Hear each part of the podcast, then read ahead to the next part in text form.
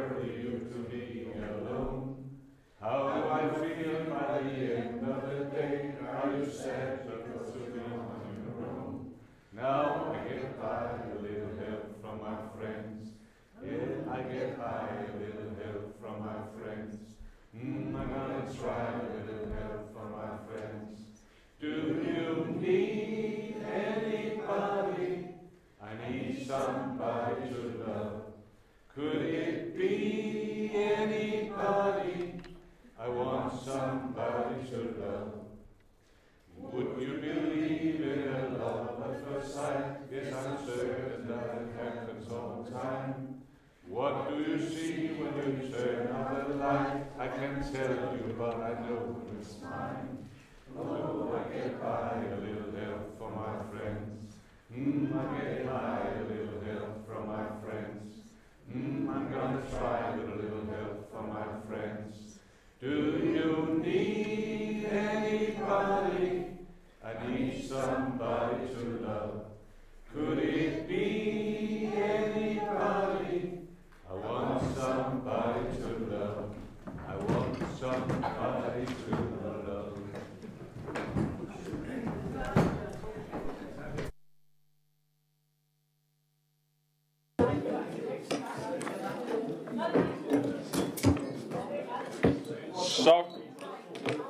vi i gang med dagens møde med, som sædvanligt, en sang til en start. Og øh, vi har en lang dagsorden foran os. Sag nummer 1 er godkendelse af dagsordenen. Det har Jørgen Alkvist en bemærkning til, og inden han får ordet, kan jeg lige sige, at øh, sag nummer 6, øh, som er evaluering af borgerdrevne forslag er en sag, der har været behandlet i økonomiudvalget. Nej, det passer ikke. Sag nummer 7. Øh, borgerdrevne forslag har været behandlet i økonomiudvalget i formiddag og behandles øh, her, og økonomiudvalget godkendte indstillingen. Men Jørgen Alkvist, Ja tak, og det er øh, i forhold til øh, sag nummer 17, fredning af Marbæk. Den er jo øh, ønsket i byrådsalen på vegne af, af SF og Socialdemokratiet. Men her klokken cirka 20 minutter i, i fire, der har vi øh, fået tilsendt nogle nye oplysninger i sagen fra forsvaret, og beder på den baggrund byrådet om at udsætte behandlingen af punkt 17. tak. Og da det jo er jer, der har begæret den i byrådet og ønsker, at vi skal øh, sagen udsættes, fordi at de nye oplysninger har måske betydning for jer, øh, så tænker jeg godt, at vi kan tage sagen af dagsordenen og så behandle den på et senere møde. Så den kigger jeg lidt rundt. Det er der ikke nogen, der protesterer imod. Det har vi hermed taget af dagsordenen. Og kan vi så godkende dagsordenen øh, ud over det, altså uden sag nummer 17. Det kan vi. Så kommer vi til sag nummer 2, som jo sådan set var tænkt som dagens hovedpunkt, nemlig byrådets anbehandling af budget. Øh, og øh, det øh, er jo sådan, at øh, vi har øh, første behandlet budgettet øh, for 2023 og overslagsavne den 5. september. Og sidenhen er der så foregået budgetforhandlinger, der er indgået en budgetaftale med alle byrådets partier. Og øh, selvom vi så er enige og øh, har øh, en fælles budgetaftale, så gør vi det på samme måde, som vi også gjorde ved første behandling, nemlig at øh, hver parti øh, får, hver parti får mulighed for lige at sætte nogle ord på, hvad det er, de synes er vigtigt at fremhæve i forbindelse med budgettet. Og øh, når det er klaret, så er der selvfølgelig øh, fri debat, hvis der er andre, der ønsker at kommentere øh, det. Men øh, jeg starter selv, øh, og så bliver det ellers i rækkefølge Socialdemokratiet ved Jacob Lykke, Maja Blod André Andersen fra det konservative Folkeparti, Diana Mose SF, Sabrina Bæk fra Nye Borgerlige og Anne-Marie Geisler Andersen fra det radikale Venstre. Så jeg skifter lige talpapir og tager mine øh, ord til budgettet, fordi at øh, selvom det har været udfordrende, øh, et udfordrende budgetår, så øh, synes jeg faktisk, at øh, det lykkedes os at lande et fornuftigt budget, hvor vi både tager ansvar for kernevelfærden og sætter en retning for fremtiden. Det er jeg rigtig glad for, at vi kunne blive enige om, og jeg vil gerne starte med at sige tak til alle byrådets partier for et godt og konstruktivt budgetforløb. Det har ikke været let, for kommunens økonomi er presset, men øh, det gjorde, at det var nødvendigt at overkomme nogle knaster for os alle sammen. Øh, men det stod heldigvis ret hurtigt klart, at vi alle var indstillet på at nå i mål sammen. Og det betyder, at vi har indgået et bredt forlig, og det skaber ro og stabilitet. Nu kan vi arbejde efter den linje, vi har lagt sammen, og man kan sige, faktisk fik vi landet aftalen ret hurtigt i år. Og ikke, at det jo er en kvalitet i sig selv, men øh, det er formodentlig fordi, at vi også har haft nogle gode dialoger som optakt til forhandlingerne. Vi har talt sammen, vi har lyttet til hinanden, så vi i forhandlingerne nok også havde en god fornemmelse af, hvor partierne hver især stod. I budgetaftalen der har vi primært fokuseret på 2023 og 2024, men også lagt en langsigtet plan, der skaber balance i økonomien og sikrer, at vi holder fast i den gode velfærd over for borgerne. Vi stod over for en svær opgave, hvor vi på forhånd vidste, at det var nødvendigt at finde besparelser for at skabe balance i budgettet, og den oplagte vej var måske at skære ind til benet og spare sig ud af krisen. Den løsning er jeg glad for, at vi ikke endte op med. Ikke entydigt, i hvert fald. Det ville måske have løst nogle problemer her og nu, men øh, vi var enige om, at det ikke var den klogeste måde på den lange bane. I stedet har vi prioriteret at investere i, i fremtiden og gøre, hvad vi kan for at ændre de vilkår, der presser kommunens økonomi. Vi har fundet ressourcer til tiltag, der potentielt styrker væksten og bosætningen, så vi af den vej forhåbentlig kan øge vores skatteindtægter. Det er en af grundene til, at vi har afsat en pulje på 50 millioner kroner til at bakke op om den nye store satsning på kultur og oplevelser, som vi sammen har valgt som den nye retning for Esbjerg. Det er en spændende proces, der er i gang. Ambitionerne er store, så vi kan komme til at markere os som et kulturelt fyrtårn og løfte byen som drivkraft for udviklingen i både kommunen og i hele området. Målet i sig selv er selvfølgelig, at endnu flere opdager Esbjergs kvaliteter og får lyst til at slå sig ned her hos os for at studere, arbejde og leve et godt liv. Og de 50 millioner kroner skal bruges til at sætte handling bag nogle af ordene, så vi kan styrke alt det gode, vi allerede har, og realisere nogle af de idéer og planer, der passer til Esbjergs DNA. Det kan være både konkrete kulturelle projekter, det kan være udviklingen af byrummet, så det bakker endnu bedre op om den nye profil osv. Med målet om vækst for øje har det også været vigtigt, at vi investerer i Esbjerg som uddannelsesby. Education Esbjerg spiller en afgørende rolle, når vi skal tiltrække og fastholde unge i Esbjerg, og indsatsen bygger på et stærkt samarbejde mellem forskellige parter, der kan stille Esbjerg stærkt på den front. Blandt andet er det lykkedes at tiltrække jo populære uddannelser som jura og medicin til Esbjerg i de senere år, og senest har vi præsenteret det visionære og unikke projekt med Big skitserne på Esbjerg Strand og uddannelseskonceptet E1. Det vigtige arbejde i Education Esbjerg fortsætter, og i budgetaftalen er vi blevet enige om at øge tilskuddet, så det i 23 og 24 er på i alt 15 millioner kroner årligt. I forhandlingerne var vi også øh, inde omkring de socialt udsatte områder. Det gælder både børn og voksne. Vi har afsat 28 millioner kroner de næste to år, så vi lægger os på det nuværende budgetniveau. Vi er også bevidste om, at det ikke dækker de faktiske udgifter, og det kommer vi så til også øh, denne gang at håndtere i forbindelse med regnskabet. Men samtidig så sætter vi altså vores lid til, at det ekspertudvalg, som regeringen og KL har nedsat, får skabt et nyt grundlag for en mere bæredygtig økonomisk udvikling på socialområdet, hvor vi i alle landets kommuner har store udfordringer. Og lokalt ligger der selvfølgelig en opgave i at arbejde med en konkret handlingsplan, der kan sikre bedre sammenhæng mellem budget og tilbudene til borgerne. Men som I ved sikkert alle sammen, så har vi ikke kunnet undgå at finde besparelser. Det var nødvendigt for at skabe rum til udvikling og investering i fremtiden. Og fra 2023 kommer der en besparelse på 15 millioner kroner, som jo de enkelte ledere og i samarbejde med medarbejderne får ansvaret for at udføre, og vi har en politisk forudsætning om, at øh, det skal ikke gå ud over serviceniveauet. Men fra 24 og frem, så er der jo altså en besparelse på 30 millioner, og også yderligere 30 millioner i 25. Og her sættes der en større proces i gang, hvor både de politiske udvalg bliver kraftigt involveret, og ledere og medarbejdere bliver inddraget i den proces, øh, fordi det er jo der, at de store øh, og måske også lidt ubehagelige ting øh, kommer til at ramme os øh, sidenhen. For det kan selvfølgelig mærkes på velfærden, når vi fra 2025 er op på at have skåret kommunens økonomi med 75 millioner kroner. Og det kan ikke undgås, at der kommer forslag på bordet, som vil gøre ondt på forskellige borgergrupper. Og selvom det er noget, vi alle allerhelst vil undgå, jamen, så har vi også forpligtet hinanden på at løse den opgave, så vi bliver nødt til at forsøge at prioritere i de muligheder, der er. Når det er sagt, så skal vi selvfølgelig genbesøge aftalen, når vi kender næste års økonomiaftale mellem KL og regeringen, hvis den stiller os bedre, ja, så er det jo ikke nødvendigt at spare beløb i helt i den størrelsesorden, vi har indarbejdet i budgettet nu. Øh, så det kommer vi jo til at drøfte, når vi kender rammerne øh, til foråret.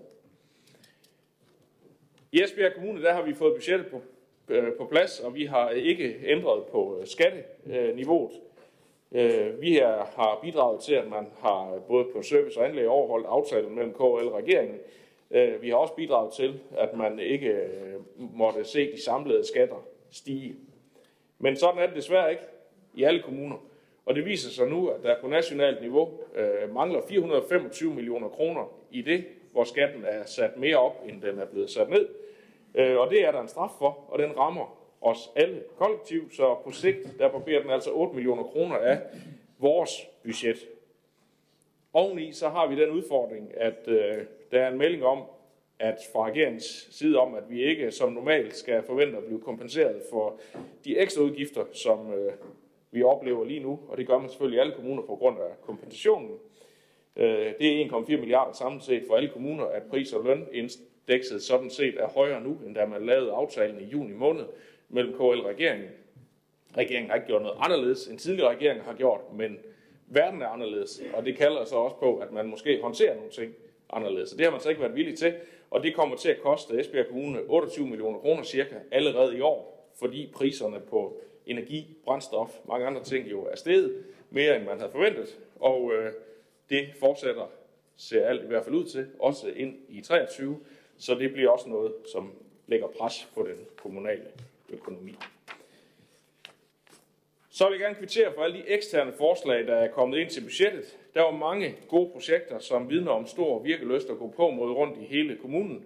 Men i et år med en presset økonomi, der var vi desværre nødt til at holde igen på det område. Samtidig så er vi udfordret af, at der er en del af de projekter, vi allerede har besluttet at realisere, som er blevet væsentligt dyre. Og derfor har vi også prioriteret at få gennemført nogle af de projekter, der allerede er sat i søen, frem for at tage flere nye med ind.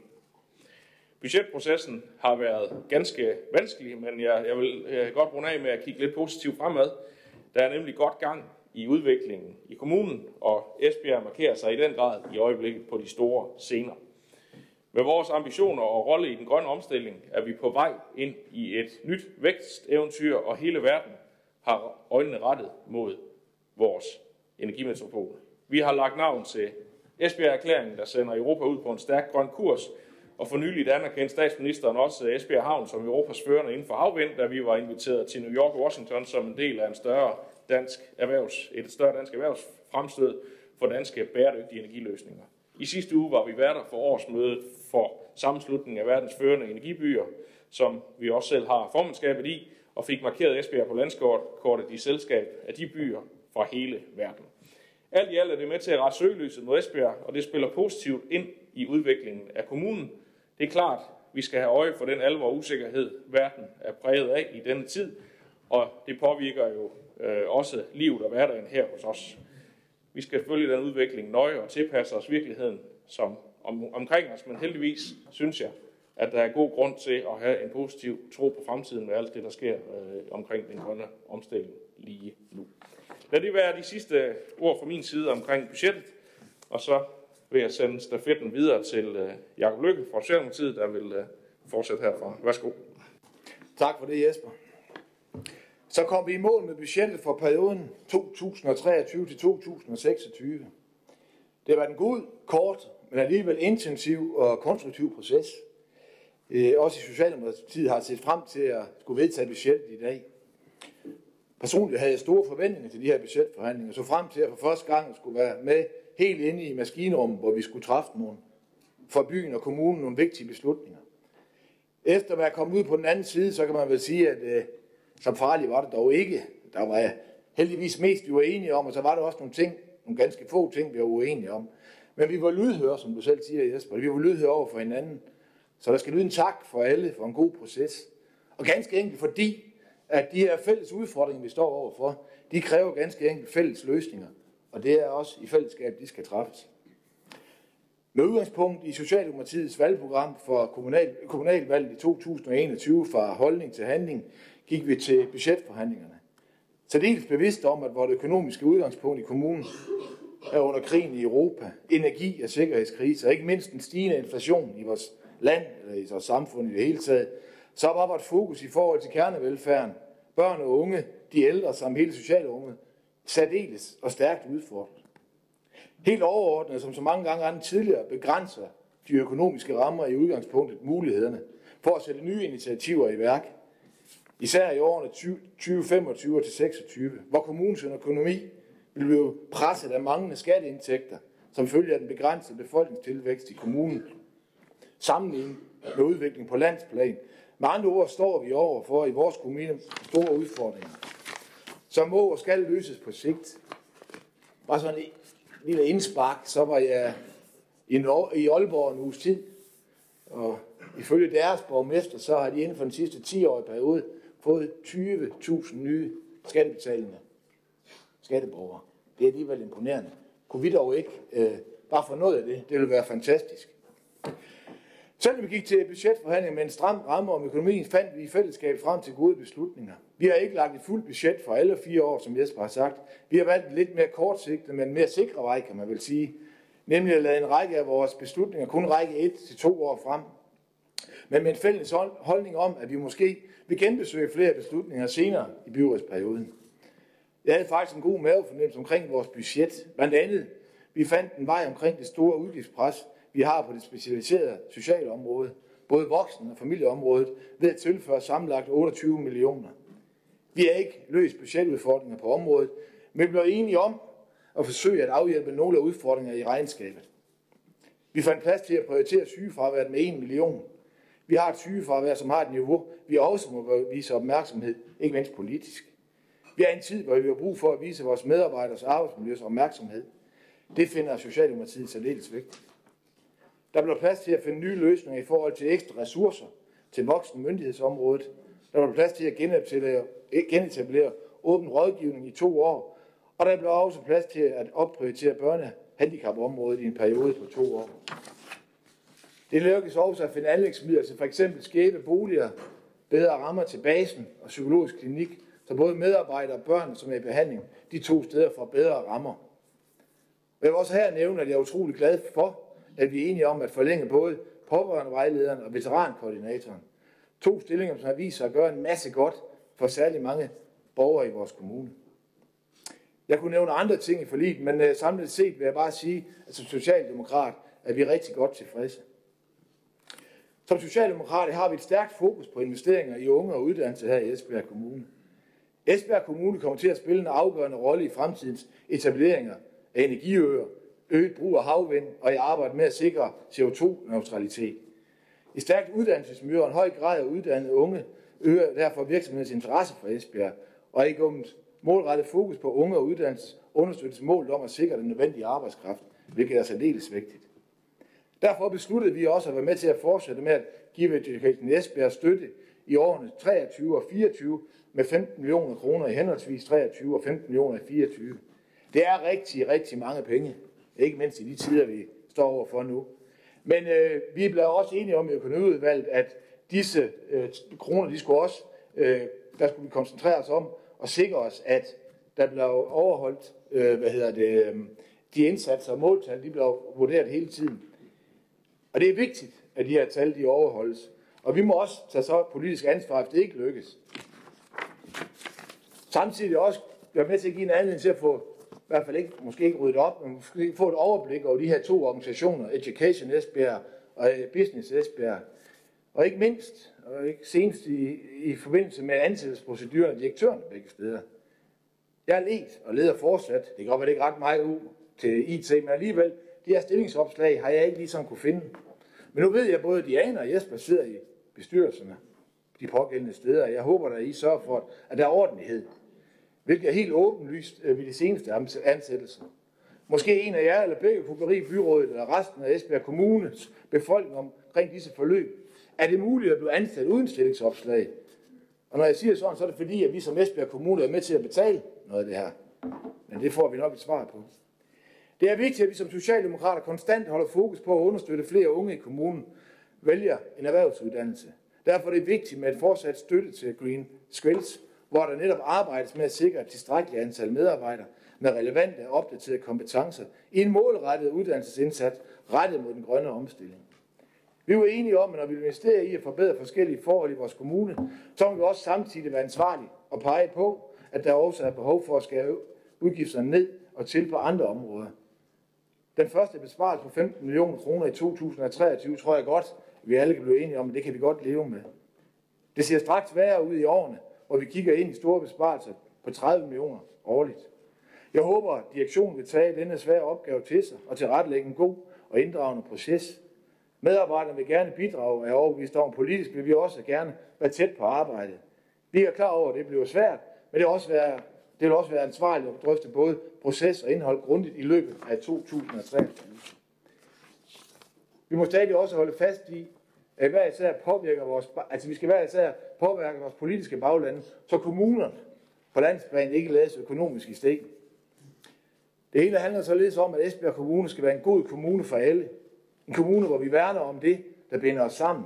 Ikke kun lige nu, men også i fremtiden for de kommende generationer. Og intet afsæt er stærkere end fællesskab. I Socialdemokratiet vil vi sætte en bæredygtig retning for Esbjerg Kommune med det rette budget for hele kommunen. En retning, der skal styrke velfærden og sikre os en grønnere fremtid. Det mener vi alle sammen bidraget til at det her forløb. Og det skal vi gøre i fællesskab. Tak for et godt budgetarbejde i år. Tak til byrådets partier om at påtage sig det ansvar at forhandle ansvarligt og fremadskuende budget på plads. Og en sidste tak, et varmt og velmenende af slagsen, til alle medarbejdere i Esbjerg Kommune. Tak på Selv tak. Næste på listen er Majbert André Andersen fra Konservativ Folkeparti. Vær så god. Tak for det.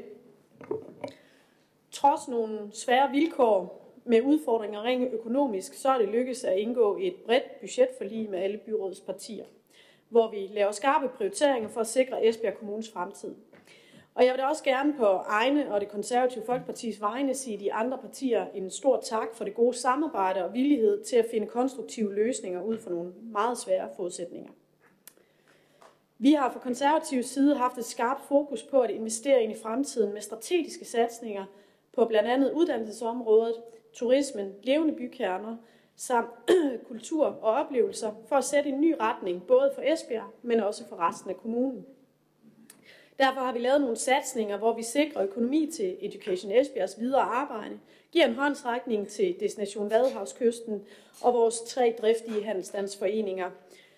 Og så har vi afsat en pulje til at arbejde strategisk med oplevelser og kultur, så vi for alvor kan få sat Esbjerg på landkortet, gjort byen og også kommunen mere attraktiv at leve i og flytte til. Dette er gjort, fordi vi tror på, at investeringer giver et afkast, og fordi vi mener, at det er den rette vej til en fremtidig befolkningstilvækst i Esbjerg Kommune, så vi kan sikre vores velfærd også i fremtiden. De tidligere nævnte eksempler bliver for os at se helt altafgørende for at skabe det indhold, der skal fremtidssikre Esbjerg Kommune. Det har derfor været vigtigt for mig og det konservative Folkeparti at se satsningen helhedsorienteret, altså i sammenhæng mellem flere forskellige aktører, netop fordi, at flere arbejder med de samme emner, der hver især bidrager til at gøre Esbjerg Kommune til en attraktiv kommune at bo i og leve i og flytte til. Det gælder om at få fastholdt og tiltrukket borgere, og det får vi for alvor brug for i fremtiden til Esbjerg Kommune. Det er nu eller aldrig. Og vi tror jo som sagt på, at investeringer giver et afkast. Udover de ting, som jeg allerede har nævnt, så synes jeg, at vi fra konservativ, til konservativ side er godt tilfredse med, at vi fandt enighed med de andre partier om at finde finansiering til nogle gode indsatser. Jeg vil ikke ramse alt op, men jeg vil blot have fokus på de ting, der har betydet mest for os. Blandt andet ekstra hænder til løsning af opgaver med byggesagsbehandling, som skal sikre en fortsat god og hurtig behandling af borgernes og virksomhedernes byggesager. Forlængelse af vores veterankoordinator, så vi fortsat kan hjælpe de, som har sat alt på spil for os. Brug af regnvand til Esbjerg Lufthavns brandbiler, en fornuftig, fremtidssikret, bæredygtig måde, så vi på den måde også sparer ressourcer. Et varslingssystem for badevand ved alle vores strande, så vi sikrer, at alle kan bade sikkert og oplyst. Forøgelse af midler i de to puljer til frivillige sociale foreninger, paragraf 18 og paragraf 79, som gør, at vi kan uddele lidt flere midler til indsatser, som understøtter de frivillige initiativer, som gør en stor forskel for udsatte borgere og vores ældre medborgere. Etablering af åben rådgivning, som er en vigtig forebyggende indsats, og udvidelse af fra 20 til 25 pladser på specialbørnehaven Kornvangen for at imødegå det stigende behov for pladser i det regi. Midler til fastholdelse af projekt Fremskudt Funktion i samarbejde med Region Syddanmark, som leverer en vigtig indsats til psykisk sårbare børn og unge. Pulje til sundhedsindsatser, som vi så kommer til at arbejde videre med i fagudvalget, når den, når den nye sundhedspolitik står færdig. Fastholdelsen af aftalen med SOSU-skolen om udvidet praktikvejlederfunktion, som vi også kalder dimensioneringsaftalen. Midler til klimasekretariatet, så vi kan fastholde og udbygge klimaindsatsen. Midler til at sikre det strategiske jordopkøb. Nyt signalanlæg og ombygning af krydset ved Hjerting Landevej og Vestkystvej. Og nye byggemodningsprojekter både i Bramming og i Ribe. Og seks boliger til udsatte borgere, så vi har husly til de, som har størst behov for hjælp samt ekstra midler til Ribe Svømmebads udvidelse. Men der er som sagt ingen roser uden tårne.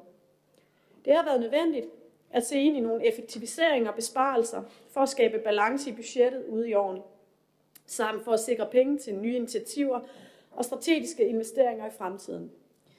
Vi tror på, at det er muligt, at disse effektiviseringer og besparelser kan gøres på en god og ordentlig måde, og derfor har partierne også aftalt, at det sker med størst mulig inddragelse af fagudvalgene, ledelsen og medarbejderne.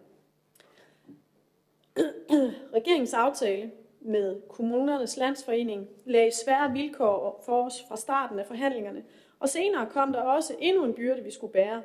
En byrde på ca. 8 millioner kroner om året, og det vender jeg lige tilbage til. Men vi ser altså ind i nogle helt nødvendige besparelser og effektiviseringer de næste år, der i gang sættes derfor en proces, hvor fagudvalg og ledere og medarbejdere inddrages, så der kan skabes mest mulig involvering og kvalificering af de forslag, der senere skal drøftes og træffes beslutning om. En del af denne besparelse skal jo så indbefatte en målrettet indsats for at nedbringe sygefraværet, og dermed mindske bruget af vikar, præcis som vi fra konservativ side har ønsket. Det har været et vigtigt fokuspunkt for mig og det konservative Folkeparti, fordi vi ser et klart forbedringspotentiale både i det økonomiske henseende, men så sandelig også trivselsmæssigt, fordi vores ansatte fortjener nemlig at kunne gå på arbejde uden at blive syge af det. Det kan ske, at sparekravet bliver mindre, hvis næste års budgetaftale eller økonomiaftale mellem KL og regeringen forbedrer Esbjerg Kommunes økonomi, og så må vi jo se på det igen til næste års budgetforhandlinger. Og nu vender jeg så tilbage til vores nye byrde. Den fælles kommunale dummebøde. Det kommer så af, at andre kommuner ikke kan eller vil stramme livremmen ind. Samt at der samtidig ikke er nok kommuner, der nedsætter skatten tilsvarende. Og derved så er det ikke muligt at overholde den fælles aftale, øh, der er lavet mellem kommunernes landsforening og regeringen. For eksempel hæver man i Frederiksberg Kommune kommuneskatten med 0,67 procent, og i Glostrup Kommune hæver man kommuneskatten med 1 procent. Nu kan man så sige, at Esbjerg Kommunes borgere er med til at betale for, at man i andre kommuner ikke overholder den fælles aftale. Det synes jeg ærligt talt er noget kedeligt. Men den del må vi så håndtere ved næste års budgetforhandlinger. I forhold til det samlede økonomiske billede, så går vi ind i de næste par år, hvor vi tager voldsomt på vores kassebeholdning. Nu vel, vi har stadig penge på kistebunden, så vi sikrer, at vi har en gennemsnitlig kassebeholdning på de plus 400 millioner. Egentlig ville vi fra konservativ side gerne have forbedret bundlinjen, men øh, det var desværre ikke muligt med den økonomiske virkelighed, vi så ind i. Jeg må indrømme, at denne aftale også gjorde, at jeg undervejs havde en vis skepsis på, om vi skulle være med eller ej. Netop fordi vi fra konservativ side øh, står så stærkt på den økonomiske ansvarlighed. Men vi konkluderede efter mange drøftelser, både i byrådsgruppen og med vores bagland, at så længe vi gennemfører de nødvendige besparelser og effektiviseringer for at få budgettet bragt i balance ude i årene, samt for nedbragt sygefraværet og det dertilhørende store forbrug af dyre vikarer, ja, så anspores jeg til at sige, så lever vi med det. Og så får vi forhåbentlig et afkast af vores store investeringer om nogle år, som er med til at forbedre forholdene for Esbjerg Kommune i sidste ende. I et fremtidsperspektiv, så tænker jeg, at alle byrådspartier bør være med til at lægge pres på vores moderpartier, for at sætte fokus på den kommende regering, hvem enten så består af, bliver nødsaget til at se på hele socialområdet og det dertil hørende stigende udgiftspres i kommunerne. Der må og skal sendes flere penge ud til kommunerne på det her område, lige så vel som man gør det, når der kommer flere ældre og flere børn. At vi ikke får kompensation for flere med handicap og værre handicap, som gør, at nogle ender i et meget dyre enkeltmandstilbud, det er jo på sin vis ret besynderligt. Det afleder jo samme problemstilling som på børne- og ældreområdet, nemlig flere udgifter til os kommuner. Derfor så øh, har vi jo heller ikke inddækket hele det her økonomiske hul, der er på socialområdet, men kun en del af det. Der er nemlig behov for, at vi fortsat holder et stort pres på Christiansborg. Og derudover så vil det også være på bekostning af flere andre ting, hvis vi skulle dække det hul. Det kunne fx være ældre- og børneområdet, kultur, sundhed og klima, og det er vi fra konservativ side noget skeptiske omkring. Afslutningsvis så vil jeg gerne rette en stor tak til vores forvaltninger for et stort stykke arbejde, både før og under forhandlingsforløbet, for altid at stå beredvilligt øh, til rådighed for at svare hurtigt og professionelt på alverdens spørgsmål, der kommer fra os politikere. Tak for ordet. Selv tak. Så er det Diana Mos Olsen fra SF. Værsgo. Tak for det. Jamen, jeg kommer jo til at, at komme efter i koret på, på jer andre i forhold til, at øh, det her det ikke lige har været året, hvor der har været meget at gøre, at gøre med. Og at vi derfor alene har fokus på de første to budgetår, fordi vi som kommune, som jeg vist allerede nævnte i første behandling af budgettet, er blevet presset af flere årsager, og måske også noget mere end det, vi havde forventet. Dels er den indgået økonomiaftale, de manglende midler og ansvar for Christiansborgs side på det sociale område og udligningen kommunerne imellem, der igen viste sig og rent faktisk have en del uhensigtsmæssigheder. Men i SF der er vi tilfredse med, at resten af byrådet delte vores bekymringer og opfordringer til at alene have fokus på de første to budgetter, i stedet for at gå i gang med massive besparelser på kernevelfærden. Men øh, besparelser er vi jo desværre ikke kommet udenom, og derfor indeholder det budget for lige også en del sorte skyer. Nemlig en form for rammebesparelse, kan man vel godt kalde det, begyndende i 23 med 15 millioner kroner. Igen nye 30 millioner kroner i 24, og nye 30 millioner kroner i 25. Det bliver faktisk alt i alt til 210 millioner kroner samlet set, når vi kigger ud over øh, de her fire budgetår. Det er ikke så let. Pengene, de er jo ikke fundet endnu, og vi skal have sat en proces i gang med at finde, og også med politisk involvering, øh, de her mange penge. Så selvom vi ikke er begejstrede for rammebesparelser, ja, så er det i vores optik bedre at sikre tid til at få en proces i gang med at finde de mest hensigtsmæssige, hvis man kan finde sådan nogle besparelser, i stedet for blot at lave det, man kalder en grøntøster. Vi håber naturligvis fortsat på, at vi ikke skal finde de her mange penge, men at kommende aftaler mellem KL og regeringen bliver bedre for Esbjerg, man kan jo ture og håbe, at det folketingsvalg endelig gør, at partierne tager det økonomiske ansvar for de landsdækkende stigende udgifter, der er på socialområdet, og ikke mindst, at udligningen bliver tilpasset, så den ikke rammer så skævt, som den rent faktisk har vist sig at gøre igen. Vi ved godt, at vi næppe kommer udenom at skulle finde besparelser, men håbet er fortsat at kunne minimere dem. Om ikke andet, så har vi bedre tid til at finde besparelser i kommunens samlede drift, i stedet for, som det lød så ud, da vi startede, kun at skulle finde dem inden for børn og kultur, fordi forvaltningen der, som en af de eneste, var kommet med besparelsesforslag. Så jeg er egentlig ganske godt tilfreds med at kunne sige, at ingen af dem trods alt blev til virkelighed lige nu. Så lejerskoler, ungdomsklubber, områderådgiver med videre, de er stadigvæk at finde i Esbjerg Kommune. Men vi har jo desværre langt fra løst vores opgave, og der venter os et stort arbejde, som vi i SF både vil tage konstruktiv del i, i de forskellige udvalg, hvor SF er repræsenteret, som i udvalget, hvor opgaven samlet set er forankret. Selvom budgetforliget øh, har sorte skyer, så har processen faktisk været rigtig, rigtig god. Det har, været, det har været en meget positiv oplevelse at opleve fuldstændig enighed omkring de fem sigtelinjer, som forlidet jo rent faktisk også er et udtryk for. Nemlig at investere i tiltag, der forventes at kunne fastholde og tiltrække flere indbyggere. Det skal forhåbentlig snart løse nogle af de udgifter, vi står overfor. Initiativer, der skal sikre kommunen et økonomisk og socialt ansvarligt budget i fremtiden. Et fornuftigt serviceniveau på alle områder, selvom der nok her er forskellige nuancer. En plan for anlægsinvesteringer og klimaområdet, og også en mål om at overholde de økonomiske rammer. Det var vi faktisk fuldstændig enige om, og det gjorde trods alt, at samarbejdet omkring budgettet øh, blev noget nemmere. Især det, at vi har valgt, på trods af, at det er et budget med besparelser, alligevel at turde, investering, turde investere i såvel vores satsning på oplevelser og kultur, som på Education Esbjerg. Det er vi i SF faktisk meget godt tilfredse med. Der har været og der er vist også fortsat rigtig mange meninger og holdninger til det strategiske sigte og måden, vi er kommet frem til kultur og oplevelser på. Men der har været en involverende proces, og resultatet er altså det, vi står med. Vi kunne vælge at dømme det ude, begynde forfra, eller rent faktisk turde tro på, at det kan noget. For hvis ikke vi selv tror på det, så kommer det altså ikke til at betyde det store. Og derfor er det super godt, at der nu reelt er nogle midler at arbejde med. Det skal ikke stå alene, men spiller naturligvis sammen med Vision 2025, som vi også har vedtaget i fællesskab.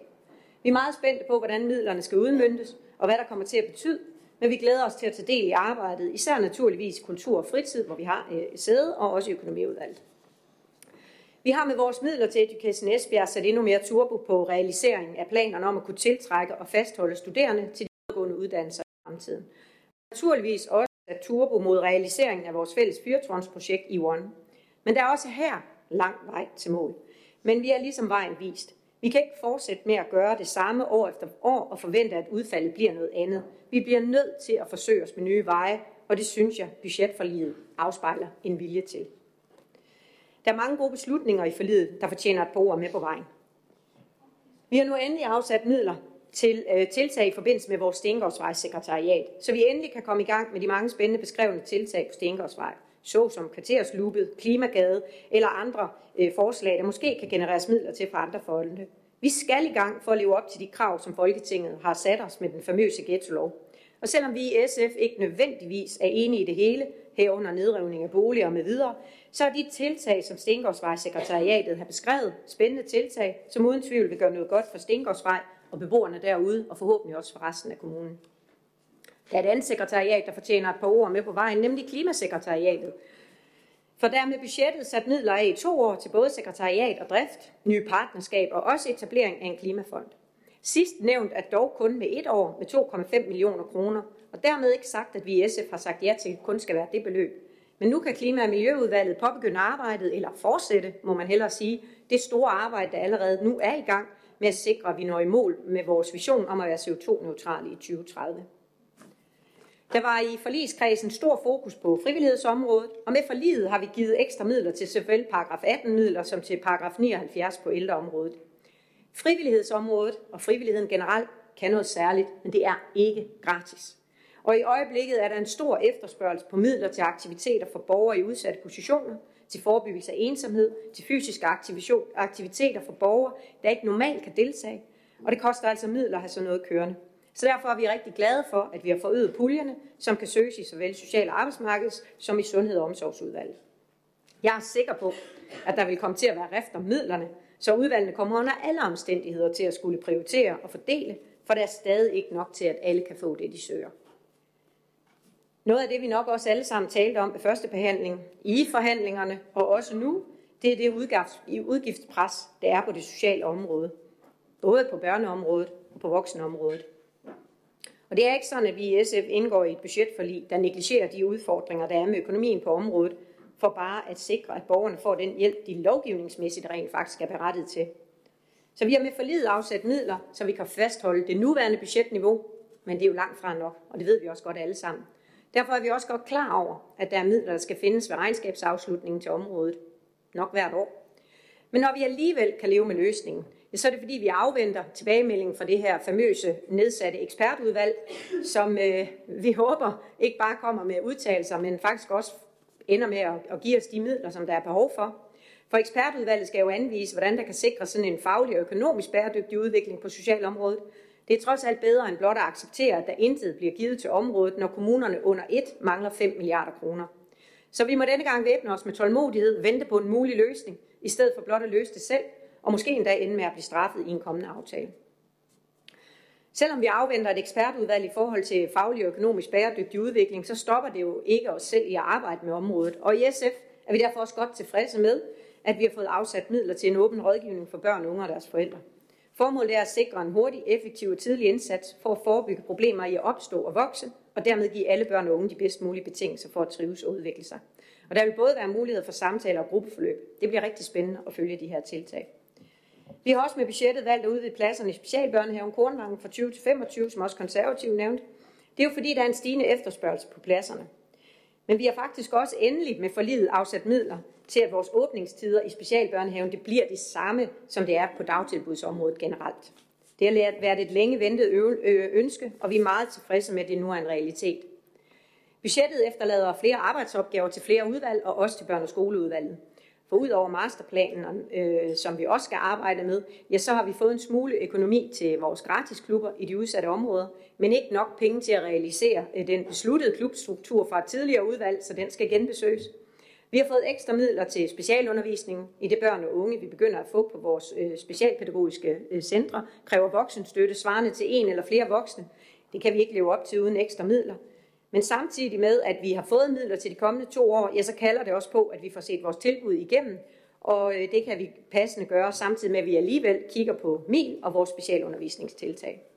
Sidst men ikke mindst, er der afsat midler til de kapacitetsudfordringer, vi har i dagplejen, på grund af, at vi har en stor andel af dagplejere, der kan få en seniorordning, hvilket betyder, at de kan frasige sig gæstebørn, og for nogle kan det betyde, at de alene har tre børn. Vi har med forlidet fået midler til to år, men samtidig fået til opgave at se på området, fordi vi ud over en del dagplejere op i årene, også har svært ved at tiltrække nye dagplejere. Så selvom forlidet nu efter anden behandling er i hus, ja, så er der masser af arbejde med i stort set samtlige fagudvalg. Også her vil vi gå konstruktivt ind i det videre arbejde, ligesom vi vil have stor fokus på at værne om vores kernevelfærd, når vi skal i gang med at drøfte de besparelser, der endnu ligger forud.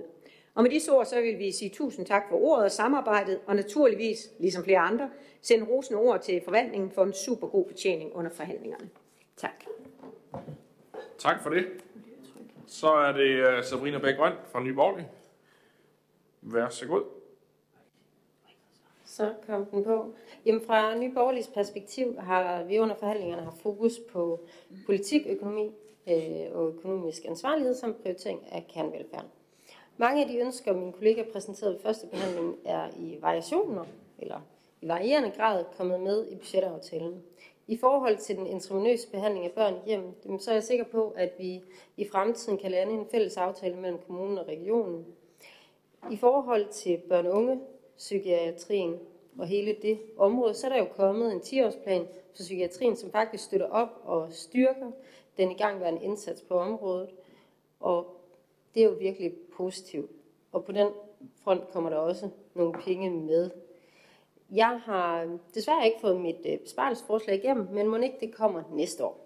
Jeg er dog gået med til en rammesparelse på 15 millioner kroner for år 2023, hvilket betyder, at alle områder de skal spare 0,3 procent af deres budget, uden at gå, det går ud over de lovpligtige og lovbundne opgaver. Jeg er gået med til den her grøn høstermetode, som man kalder den, øh, fordi at vi også i samme forbindelse er blevet enige om, at det ikke er det, vi ser ind i fremadrettet. Det forholder sig nemlig således, at vi med budgetaftalen har besluttet, at der i gang sættes en proces, hvor hver fagudvalg i samarbejde med ledelsen og med systemet skal finde besparelser på sammenlagt 45 millioner kroner i år 2024 og 75 millioner kroner i år 2025 og 26. På den baggrund kan vi ved næste års budgetforhandling tage et reelt politisk ansvar for, at vi, hvad vi egentlig ønsker at fastholde, og hvad vi ønsker at prioritere, og hvad vi vælger at gå på kompromis med. For så længe vi ikke har et øh, uendeligt budgetramme og et pengetræ i rådhussalen, så kan vi ikke gøre, som vi altid har gjort. Vi skal simpelthen agere anderledes end hidtil. Men vi står jo i en situation lige nu, hvor vi må sande, at regeringen ikke har haft en interesse i at være kommunerne behjælpelige økonomisk eller lovgivningsmæssigt i forhold til at afbøde de massive udgiftspres, som vi oplever på socialområdet. Jeg går ind for et budget i balance. Derfor er jeg også rigtig led ved, at vi ikke under de lovmæssige forudsætninger har kunne finde penge til at lappe underskuddet, som årligt forfølger socialområdet. Virkeligheden er bare den, at det kræver lukning af skoler eller afvikling af vores største del af vores fritidsområde at finde penge, pengene i budgettet til øh, det faktiske beløb, som socialområdet har behov for.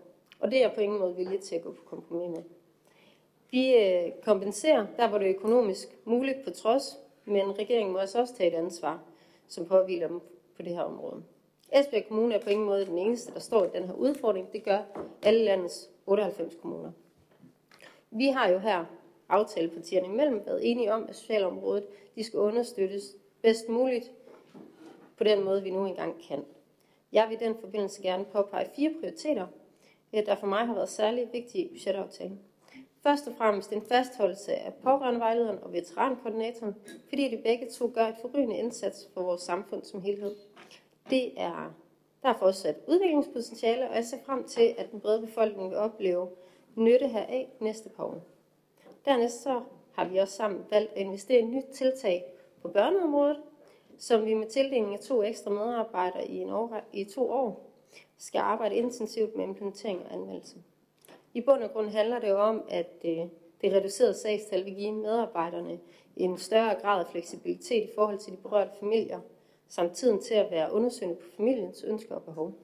Tillid og samspil mellem medarbejderne og familierne håber jeg på vil kunne øh, skabe de bedste rammer for barnet og familien. Den sidste ting, jeg lige vil nævne her, det er i forhold til socialområdet, også øh, voksenområdet. Der er jo ingen tvivl om, at vores medarbejdere er presset. Det er et lovrigidt område, og det kan vi desværre ikke lave om på her. Det, det kan vi ikke gøre noget ved, og det kræver også, at medarbejderne de øh, har overskud til at være modtagelige for forandring og samtidig afværgelsen af dokumentation, fordi det grundet sygdomshistorikken og medarbejderudskiftning, så er vi simpelthen nødt til at fastholde det af hensyn til borgerne. Og det er bare en rigtig ond spiral, vi er endt i. Voksenområdet har ikke selv modtaget finansiering i forhold til øh, langtidssygemeldinger, så det har ikke øh, været nogen midler til vikardækning. Det gør også, at medarbejderne de skal nå mere i en i forvejen presset hverdag, og hvem gavner det? For borgernes vedkommende, ja, så har de skulle vente endnu længere tid på en bevilling, og frustrationerne stiger dem. Øh, derfor glæder jeg mig også over, at vi har kunne finde midler til at give to øh, medarbejdere ekstra i en årrække to til voksenområdet. Så vi forhåbentlig lige en periode her kan få indhentet det forsømte, og samtidig få skabt os et overblik over, hvad der kan skabe så positiv forandring for både medarbejderne, borgerne og vores økonomiske situation. Så derudover har vi valgt at give lidt ekstra midler til den frivillige indsats, fordi frivilligheden løfter en kæmpe opgave for vores kommune. Vi bliver også nødt til at investere i Esbjerg Kommunes fremtid ved at sætte ind med det, vi kan for at fastholde og tiltrække unge i vores kommune. For det forholder sig således, at vi, øh, vi har ikke kunne formå at fastholde og tiltrække unge mennesker i rigtig mange år. Og så længe vi ikke kan efterleve virksomhedernes efterspørgsel på arbejdskraft, og vi ikke kan tiltrække arbejdsstyrken i Esbjerg Kommune, som jo bidrager til en skatteindtægt til vores kommunale kasse, ja, så har vi ikke det økonomiske grundlag, som det kræver at opretholde det aktuelle serviceniveau. Det bliver spændende at følge udviklingen i budgettet og se, hvilke initiativer der også bliver præsenteret generelt, nu hvor vi har afsat ekstra midler til reduktion af sygefraværet, men også i forhold til investeringen i fremtidens Esbjerg Kommune. Jeg vil gerne takke jer alle sammen for en læringsrig og konstruktiv forhandling, både til de eksterne og til vores forvaltning. Og i forhold til det solidariske dumme bøde som øh, konsekvens af andre kommuners uansvarlige handlinger, jamen så er det et emne i sig selv, jeg ikke vil belemre jer med. Tak for det. Tak for det. Sidste parti, talrækken Radikale Venstre, Anne-Marie Geis Andersen. Værsgo til dig. Tak. Ja, oh, men Anders Toft har jo som bekendt forhandlet på vegne af os i øh, Radikale Venstre, og det er bestemt mit indtryk, at han er blevet øh, taget godt imod, og det har været spændende for ham at få lov at være med. Det kan ikke undgås at have været en uh, lidt stejl uh, læringskurve, tænker jeg, men han fik frihed til at forhandle, og det har han gjort. I Radikale Venstre der er vi tilfredse med resultatet. Ikke mindst set i lyset af, at der som udgangspunkt øh, ikke var så meget at forhandle om. Og selvom midlerne er få, så er vi jo nødt til, som mange også har sagt, at investere i kommunens øh, fremtid. Det sker gennem investeringer i de store velfærdsområder, i uddannelse, i kultur og i oplevelser. I Radikale Venstre, der lagde vi vores øh, første budgettal øh, vægt på det specialiserede socialområde, på klima, rekruttering og på evaluering. Øh, og kigger man budgettet igennem, så synes vi bestemt, at vi har fået sat et, øh, et aftryk. Jeg vil fremhæve nogle ting. Fastholdelse af både pårørendevejlederen og veterankoordinatoren. Særligt så er, er pårørendekoordinatoren, som jo øh, var en funktion, som vi selv fik med i budgettet for et par år tilbage. Den er jeg personligt øh, rigtig glad for øh, fortsætter. Efterspørgselen på hendes hjælp er stor, og hun leverer en rigtig, rigtig god indsats. Også genetableringen af den øh, åbne rådgivning til udsatte familier er vi rigtig godt tilfredse med i Radikale Venstre. Vi var meget kede af, at vi for nogle år tilbage lukkede vores øh, øh, gamle åbne rådgivning. Og med alle de børn og unge, der jo desværre i dag mistrives, så er der et stort behov for nogle let tilgængelige tilbud, hvor man kan henvende sig, inden at problemerne vokser sig alt for store. Også det her sammen med eller sammen om familien, øh, der er et nyt tiltag på børn i handicapområdet, taler meget ind i noget af det, som vi har arbejdet rigtig meget for i Radikale. Øh, I forhold til at sikre en, øh, en højere retssikkerhed og en større inddragelse af familierne på, øh, på handicapområdet, børnehandicapområdet ikke mindst. Og det er jeg personligt også rigtig glad for, at I, at I fandt midler til. Derudover så er fastholdelsen af fremskudt funktion, som flere også har nævnt, der er jo et samarbejde mellem kommunen og psykiatrien, dermed også regionen, et vigtigt element i at få sikret en mere sammenhængende hjælp til de udsatte børn og familier. Og så er vi på linje med blandt andet konservative, glad for de flere andre også, de øgede midler til, til de frivillige foreninger, Øhm, ligesom vi også er enige i det, som flere har været inde på, at vi simpelthen er nødt til i fællesskab at kæmpe for at få Christiansborg på banen i forhold til det specialiserede socialområde. Hvad angår rekruttering, så er vi tilfredse med, at man fastholder de to øh, praktikkoordinatorer på socioområdet. Det er helt afgørende, at vi får uddannet øh, flere og nok, hvis vi vil sikre vores øh, kernevelfærd i fremtiden. Også fastholdelsen af vores to erhvervsplanlæggere bidrager til at få flere unge ind på en erhvervsuddannelse. Og Education Esbjergs arbejde med at få flere videregående uddannelser øh, og mere at få skabt en fed øh, studieby i Esbjerg, øh, er ikke kun nødvendig for tiltrækningen af borgere, men også for at kunne sikre fremtidens arbejdskraft. Ikke mindst i forhold til den grønne omstilling. Klimasekretariatet og i aftalen om klimafond taler lige ind i øh, vores ønske og vores øh, fælles meget ambitiøse målsætninger på klimaområdet, og vores ønske om at få sat handling bag, øh, bag vores klimaambitioner. Sidst så vil jeg bare nævne den tætte opfølgning og evaluering på vores eksterne øh, aktiviteter, som er noget, øh, jeg ved, Anders Toft længe har, har været stort fortaler for, og nu også, øh, som jeg forstår det, har formået at, at, øh, finde opbakning til. Og det ved jeg, han er glad for. Som Anders også skrev efter forhandlingerne, og som flere af os har været inde på, så var der desværre ikke så mange penge at dele ud af. Derfor så var også mange ting, som der ikke blev plads til i den omgang. Men der var dog enighed om, at intet af det, der ikke blev til gode set, bliver glemt. Så jeg vil gøre det temmelig kort i dag, tror jeg. Øhm, på vegne af Radikale Venstre, og særligt på vegne af Anders, så vil jeg gerne sige tak for, øh, for samarbejdet til hele forhandlingsudvalget, øh, til forvaltningen og til de gode folk på borgmesterkontoret, der har arbejdet hurtigt, effektivt og med et højt serviceniveau. Og Anders han takker også for den øh, behagelige modtagelse og for tålmodigheden med alle hans spørgsmål. Dem er der åbenbart masser af, uanset hvem er os, der forhandler. Tak for det. Så nåede vi rundt øh, til, øh, og alle partier har givet deres øh, besøg med til, til de budgetforhandlinger, vi har været igennem, og til den budgetaftale, vi har indgået Øh, så har vi jo nogle år været igennem et større øh, gymnastikøvelse her med at skulle stemme om en lang række forslag til et budget. Det slipper vi så for i år, i og med, at vi er enige øh, om budgetpakken, så øh, I må have motionen til gode til byrådsmødet, der er overstået. Øh, så øh, da der ikke er flere, der har bedt om ordet, så skal vi sådan set øh, så godkende en, en, en indstilling med en lang række detaljer, som sådan set øh, er essensen af den budgetaftale, vi har indgået. Og jeg tænker ikke, at vi behøver at læse dem, øh, læse dem alle sammen op, men øh, vi hermed bare i enighed beslutter at godkende budget 23 til 26. Det er det, vi gør. Og det bringer os videre i dagsordenen til sag nummer 3. Jeg skal lige have teknikken med, det er derfor, jeg trækker det lidt. Øh, der handler om en hensigtserklæring omkring styrket dialog og samarbejde på uddannelsesområdet. Øh, det er sådan, at der er udarbejdet en hensigtserklæring øh, om styrket dialog og samarbejde på det område øh, i fællesskab mellem Esbjerg Kommune, Region Syddanmark, Education Esbjerg, Business Esbjerg, Syddansk Universitet, øh, Aalborg Universitet, UC Syd, Erhvervsakademi Sydvest og rektorkollegiet, som så rummer de institutioner, der ikke lige er nævnt specifikt. Øh, det handler sådan set om, at de institutioner, der er nævnt specifikt, de er med i den øh, samarbejdsgruppe, der har været nedsat øh, i nogle år efterhånden. Og nu er der så lavet en fælles hensigtsklæring, så vi har et fælles fundament at stå på, som også bliver politisk behandlet i Region Syddanmark. Hvis ikke den er blevet det, det er jeg faktisk ikke helt klar over, men den er i hvert fald på vej til det. Øh, men jeg skal høre, om der er nogle bemærkninger til det her. Vi har i hvert fald godkendt den i enighed i økonomiudvalget. Og det ser ikke ud til, at der er nogen, der har nogen jo, det har Ulla Koopmann Mejerson. Værsgo, Ulla, du får lige lov til at sige på til den. Jamen, tak for det. Jamen, i øh, Socialdemokratiet der er vi rigtig glade for, at der kommer en øh, styrket dialog og et stærkere samarbejde på hele uddannelsesområdet. Det er et meget stærkt kort fremadrettet, som vi kan have her i Esbjerg. Det er fint, at der er fokus på alle uddannelser inden for alle områder, altså erhvervsuddannelser, professionsuddannelser og universitetsuddannelser. Nu er der jo i billedet nævnt specifikke uddannelser på universitetsniveau.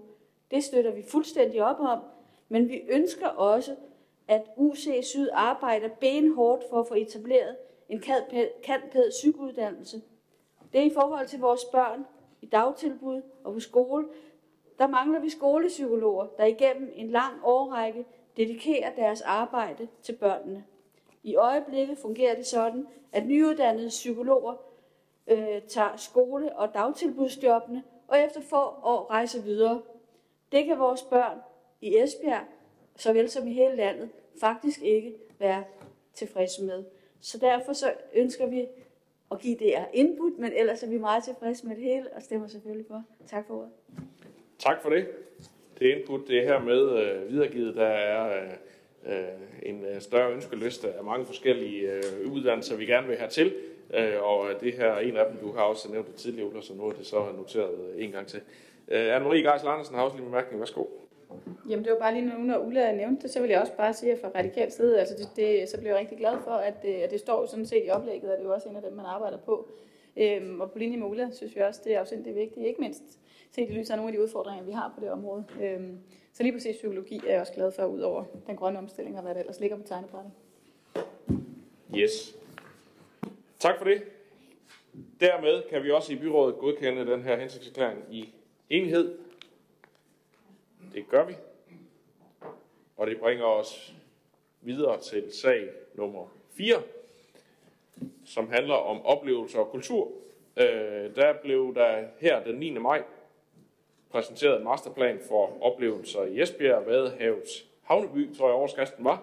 Øh, og øh, den blev øh, den 20. juni øh, godkendt her i byrådet, øh, eller i hvert fald taget til efterretning, hvor jeg hellere være lidt mere præcis at sige, den masterplan, der blev lavet, som jo har været udarbejdet øh, øh, og behandlet i bestyrelserne af Business Esbjerg, Education Esbjerg, Esbjerg Havn, og så her øh, også i byrådet, det er de fire parter, der har stået bag. Så nu er der så en, øh, øh, en sag her, som, øh, som ligesom øh, fortæller, hvordan er det så, vi arbejder videre med tingene herfra. Vi har afsat nogle midler i budgettet, så der er en ramme også at gøre noget med, og nu er der så også en skitse, der beskriver lidt mere præcist, hvad er det så, øh, vi skal øh, i Esbjerg Kommune øh, på det her felt.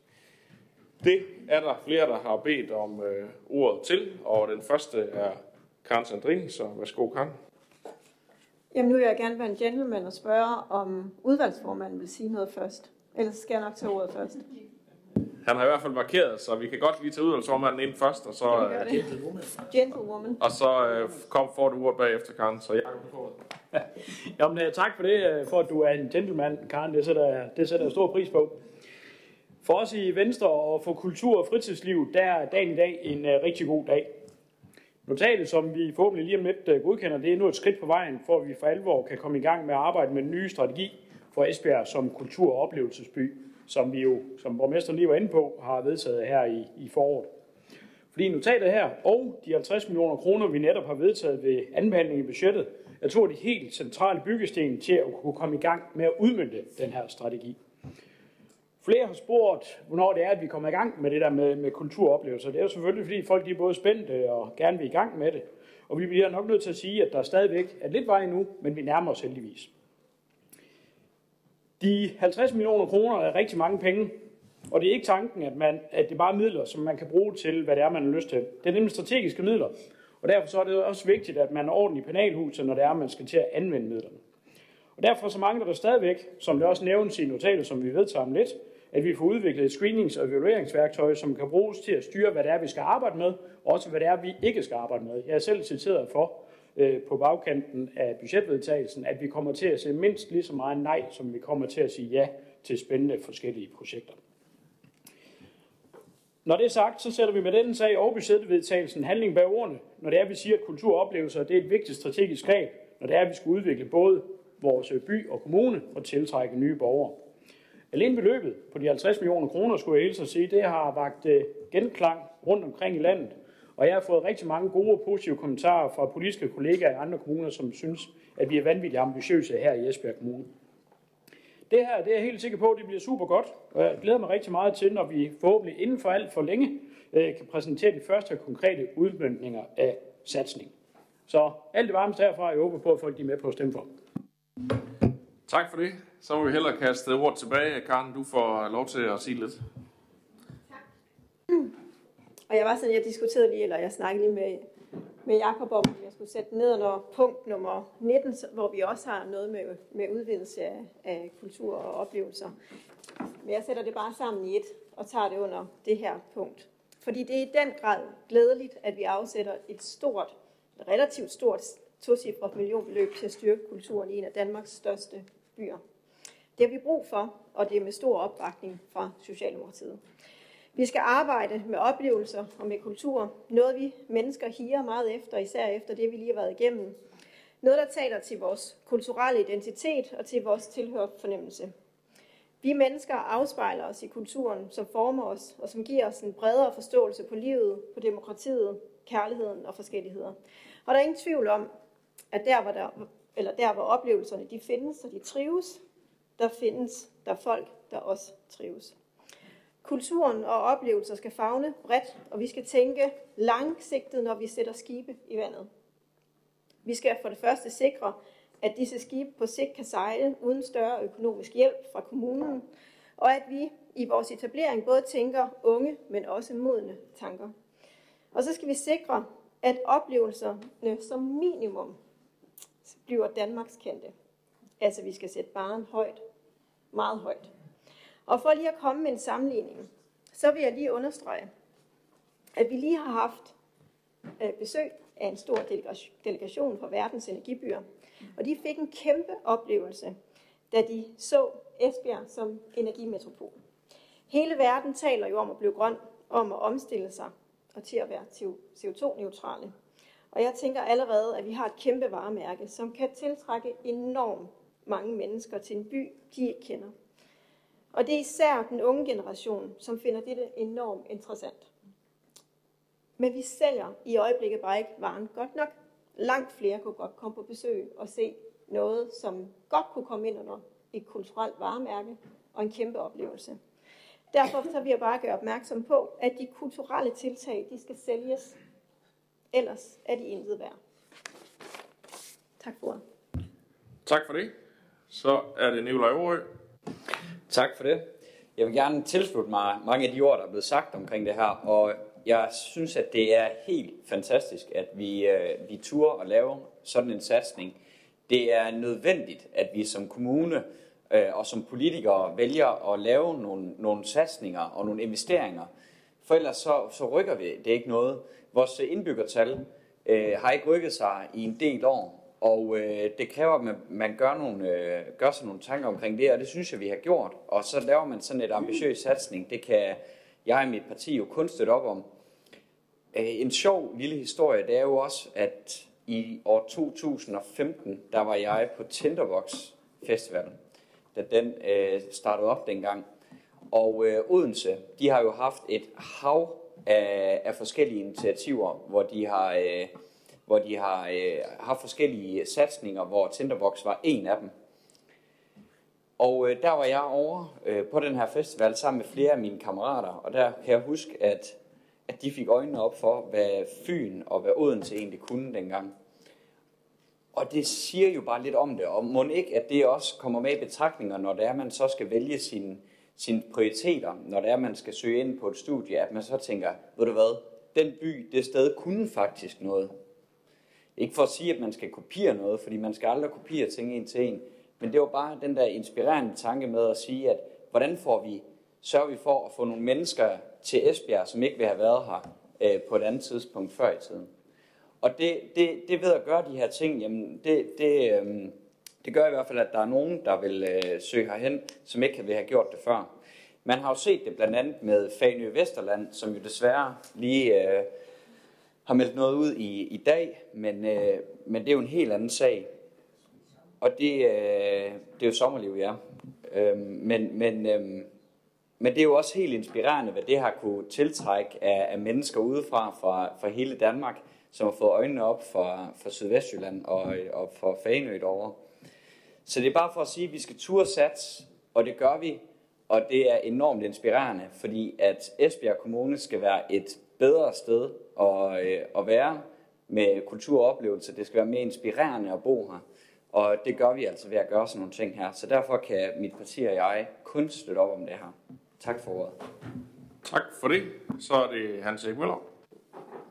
Ja tak, og jeg kan helt slutte op om øh, de mange flotte ord, der er blevet sagt, øh, og jeg er også enig i, at øh, vi skal have en masse inspiration udefra. Vi skal også tursats. Jeg synes, at den øh, studietur, vi havde til Odense, den var meget inspirerende, øh, lige netop også på det her område. Og så kommer jeg lidt malurt i bæret. Det er jeg ked af. Men jeg synes bare, sådan som vi snakker i dag, der lyder det som om, vi har afsat 50 millioner i budgettet. Og så vidt jeg har forstået, så har vi reserveret 50 millioner i kassen, og der skal en politisk beslutning til at løfte dem fra kassen til selve budgettet. Så vi skal ikke lige forgøje, at det fremgår af budget, at det generelt står 50 millioner, der er øh, kørt ind i det tekniske budget. Jeg synes lige, det er vigtigt, at vi får den med os.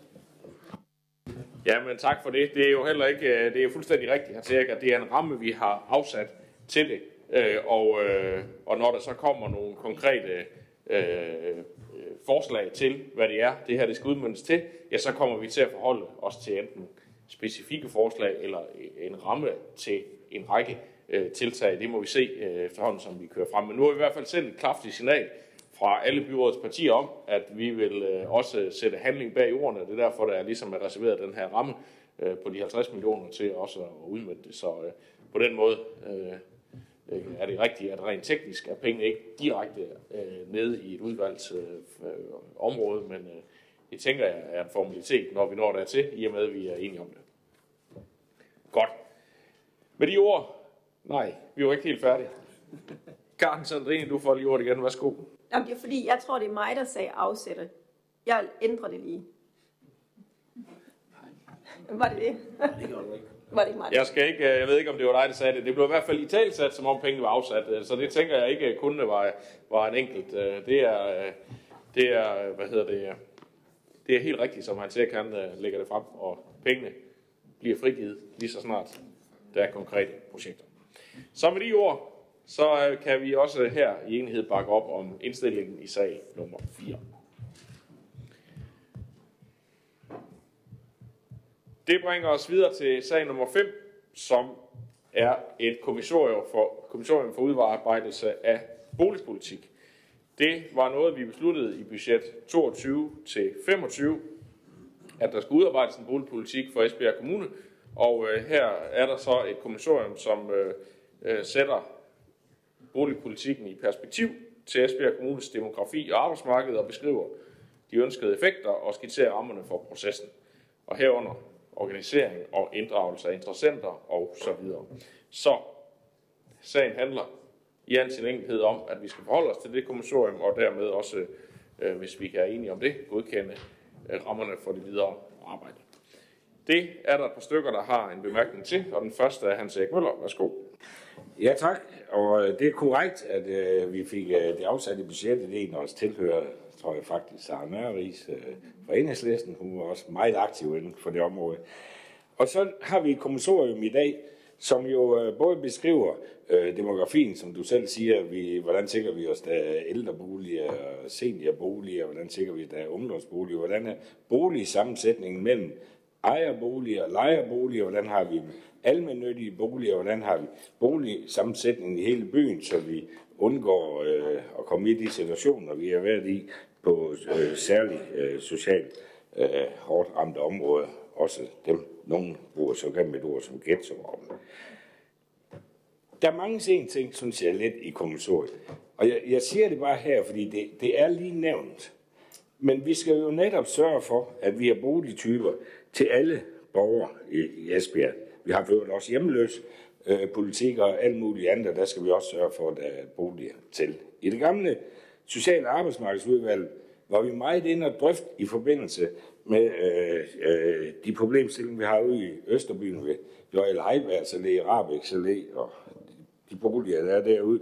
For dem ved vi godt, at de er meget, meget nedslidte, og sikkert enten skal rykkes ned. Det er nok for mig og offer øh, og få dem renoveret. I den forbindelse snakker vi meget om, hvad bør en kommune af Esbjergs størrelse have af kommunale boliger? Og når vi siger, hvad vi skal have af kommunale boliger, så vil jeg godt, der er mange, der siger, jamen vi skal benytte fjerdedelsreglen i boligforeningen, når vi skal anvise borgere boliger. Det kan også være en god idé, men det kan vi ikke bare nøjes med. Altså vi har også nogle borgere, som har boet i boligforeninger, som er blevet smidt ud af boligforeninger, og det kan være på grund af manglende husleje. Det kan også være på grund af noget adfærd, som ikke andre beboere i nærheden, de overhovedet øh, kan, kan, kan acceptere eller holde ud. Øh, det er folk, øh, som ikke har til indskud, så skal kommunen føre det ind og betale indskud, hvis vi bruger 3 fjerdedels regel. Der er nogle folk, der er meget voldsom i deres boliger. Det ser vi jo i andre kommunale boliger, øh, hvor man ikke betaler indskud. Og det er ikke særlig smukt, når man flytter fra de boliger igen. Det ved vi godt. Vi får en kæmpe regning der, hvis øh, det er os, der bruger så fjerdedelsreglen. I den forbindelse synes vi, det var vigtigt at prøve at kigge på, hvad skal vi have af boliger i Esbjerg? En kommune af Esbjergs størrelse. Hvor ligger det præcise snit henne? Det snakker vi meget om, også at få kigget på øh, sammenlignet øh, med andre øh, store byer. Fordi det er virkelig en rolle, vi skal tage alvorligt, også i det her spil. Der er kun lige nævnt problemstillingen ude i Østerbyen.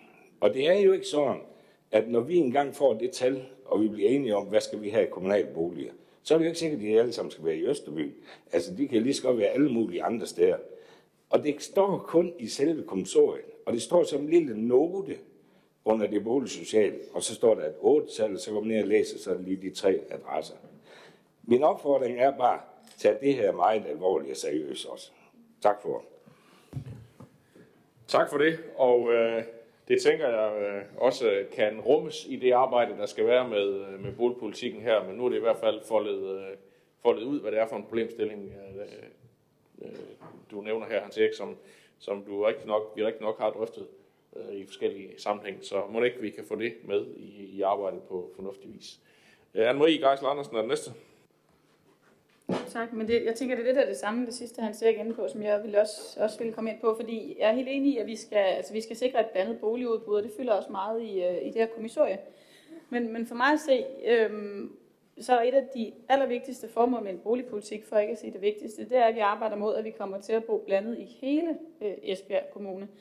Øhm, altså på tværs af socioøkonomiske skæld. Øhm, det er vigtigt for sammenhængskraften, at vi kommer hinanden ved at mødes på tværs. Øh, og det gælder ikke mindst vores, øh, på vores børns skoler, som jo desværre i dag er for opdelt i forhold til elevsammensætning. Altså nogle steder har man rigtig mange udsatte børn, og andre steder nærmest øh, det modsatte. Øhm, og der ser jeg altså en stor sammenhæng med vores boligpolitik. Øhm, og det er ikke noget, vi ændrer fra den ene dag til den anden, men det er noget, jeg synes, vi skal arbejde langsigtet på og, og gøre noget ved. I stedet for, at vi skal tage at busse børn rundt i kommunen. De skulle jo gerne kunne være i deres nærområde. Øhm, og da jeg læste kommissoriet, der synes jeg ikke, at lige netop det her, det, det fyldte sådan helt vildt meget. Altså det står, sådan, det står ikke klart i intentionerne. Øhm, man kommer lidt sådan ind omkring det rundt om i, øh, i skrivet i forhold til succeskriterier, sådan der skal sikres balance, står der. Men derfor så vil jeg bare spørge åbent her, om, om, det, et, om det er et væsentligt formål med en, med en, øhm, en kommende boligpolitik, at vi i hele Esbjerg Kommune skal bo blandet på tværs af økonom, socioøkonomiske skæld. Fordi i så fald, så mener jeg, at det øh, bør fremgå tydeligere af det her kommissorium. Så jeg vil egentlig høre, hvad I tænker om det, for så vil jeg overveje at komme med et forslag. Ja, øh, altså, vi kan jo komme med mange detaljer om, hvad der burde stå i det kommissorium, og hvad der ikke burde stå. Det står i hvert fald i, øh, form, i baggrund og formål, at et varieret udbud af gode boliger hele Esbjerg Kommune er et centralt element, og det er ligesom er grundlaget for alt det, vi arbejder med. Øh, at der, om, om det så er de rigtige ordvalg eller ej i nogens øh, optik, det ved jeg ikke. Jeg synes, øh, øh hvad skal man sige, vi skal ikke skrive konklusionen her, vi skal sætte arbejdet i gang, og det er sådan set det, der er vigtigt, og det tror jeg, den rummer øh, det, det øh, den, vi, vi, vi ønsker på, på den ene og på den anden måde, øh, alt efter hvordan man lige vægter de ord, der, der er afsat. Men det skal jo gerne være en involverende proces, så det ikke er her i kredsen, at vi, vi, vi skriver konklusionen, men vi ligesom får, får forskellige interessenter med, som der også er lagt op til. Der er et par stykker mere, der vil give et par med på vejen. Den første er Margaret André Andersen. Værsgo. Jamen tak for det. Det er sådan set ikke fordi, at jeg vil øh, komme her og blande mig i øh, fagudvalgets øh, forretningsområde, øh, og dog, fordi i Sundhed- og Omsorgsudvalget, der har vi faktisk valgt at være lidt øh, forud for vores øh, egen tid. Øh, på den måde at forstå, at øh, vi ved jo godt indimellem, at så øh, kører det hurtige tog, og indimellem så kan vi godt risikere, at der er nogen, der bliver sat lidt af undervejs. Men allerede for, jeg vil skyde på det, halvanden måned siden, indledte vi jo drøftelser om, hvordan vores fagudvalg skulle stille sig i forhold til en boligpolitik, øh, som vi vidste var på vej, Øh, og vi har faktisk allerede for 14 dage siden på udvalgsmødet besluttet, hvad vores input til en boligpolitik skulle være. Og jeg vil bare sende øh, opfordringen videre til de andre fagudvalg. Måske det var en god idé at kigge ind i allerede nu, øh, hvad for nogle input man kunne komme med øh, fra fagudvalgets perspektiv i forhold til, hvad der er vigtigt i den her boligpolitik. Øhm, vi godkender selvfølgelig kommissoriet her i dag. Vi vil sige, fra fagudvalgets side, der har vi selvfølgelig haft fokus på, at det, der er vigtigt for os, det er jo i, i forhold til at imødegå det store øh, pres, der kommer øh, på vores plejehjem, at det kan imødegås ved at lave flere ældreboliger eller plusboliger, som også bliver, øh, bliver forankret lokalt rundt i kommunen, sådan at det ikke kun er et sted eller få steder, men sådan at der også bliver, bliver, bliver lidt blandet der. Nu har vi så bare holdt os på vores eget ressortområde i forhold til boligmasse, men, men det var bare hermed for at give opfordringen videre til de andre fagudvalg. Der var lidt, I kunne arbejde med måske. Tak for det. Diana Mos Olsen. Men øh, det, der lige fik mig til at markere mig, var sådan set en opbakning til øh, Anne-Maries forslag. Og det kan godt være, at det ikke nødvendigvis behøver at, øh, at stå her i nu, altså at der kommer yderligere i forhold til, at, øh, at vi skal have nogle, øh, hvad skal man sige, nogle mere bæredygtige øh, boligområder i stedet for det, vi ser i dag, hvor ghettoproblematikkerne er der flere steder. Men det er i hvert fald noget af det, der havde været sigtet med at få udarbejdet en boligpolitik. Det er noget af det, vi har hørt gentagende gange, når vi snakker omkring udfordringerne, der er med også på hele Stengårdsvej-problematikken, nogle af de udfordringer, der er med flere af vores skoler, at, at det var en kamp, vi skulle have taget for mange, mange år siden, boligpolitisk dengang man, øh, man bebyggede øh, de almene boliger samlet et sted. Så det er i hvert fald noget, vi skal have skærpet fokus på, hvorvidt at vi behøver at, at, at komme med et, et ændringsforslag til det nu. Det, det ved jeg ikke, eller om vi alle sammen er enige om, at det øh, er noget, der er øh, ret afgørende for, at, at vi rent faktisk kommer i mål med øh, at kunne leve blandet i hele vores kommune, og dermed også få blandede skoler, blandede dagtilbud, så vi ikke ender i en situation, hvor vi skal busse børn rundt. Men altså, I skal jo bare huske på, at det er jo forlisteksten, der er sat direkte ind i, i øh, kommissoriet her. Det er jo den, der lige præcis rummer de elementer, vi snakker om her. Det er jo det, vi aftalte, da vi sad rundt om bordet for et år siden. Og det er jo det, der er grundlaget for den boligpolitik, der skal udarbejdes. Så, så det er så, hvis ikke, man, øh, hvis ikke man ville nogle af de ting, som vi giver udtryk for, så er der måske ikke nogen grund til at lave en boligpolitik, fordi det, så, så udvikler tingene sig bare sig selv i en eller anden øh, tilfældig retning. Og det er faktisk det, vi gerne vil være med til at styre ved at lave politik. Anne-Marie? Øh, ja, ja, altså, ja, det er forlisudvalget, øh, hvad hedder det, at vi har besluttet, at vi skulle have en boligpolitik. Nu er den her så lidt mere udførlig, men vi sidder jo også hele byrådet, så vi har jo også mulighed for at, og, hvad hedder det, at ændre i det, der ligger. Vi har sagen til behandling, og du siger, Jesper, at det skal være en inddragende proces, og jeg synes jo også med al respekt, at vi politikere også skal inddrages lidt. Altså jeg sidder ikke øh, i mange af de udvalg, jeg sidder i socialudvalget, men, øh, men, men det her, det er jo det overordnede, og jeg synes, jeg synes faktisk ikke, det er en detalje. Altså, jeg synes helt ærligt faktisk, det er noget af det aller, aller vigtigste øh, formål med en boligpolitik, og derfor så vil jeg faktisk gerne, øh, at, at det stod tydeligere, særligt hvis vi er enige om det. Hvorfor hunden skulle vi så ikke bare øh, skrive det ind, at det er et væsentligt formål? Øhm, så jeg, jeg kunne egentlig godt tænke mig bare at foreslå, at øh, en enkelt pind, at vi tydeliggør i kommissoriet, at et væsentligt formål med boligpolitikken er, at vi bor blandet på tværs af socioøkonomiske skæld i hele Esbjerg Kommune. Og hvis der alligevel er enighed om det, så håber jeg, at I vil bakke op om det. Jeg, jeg, jeg synes faktisk, det er så vigtigt, at, øh, at ja, jeg stiller forslaget.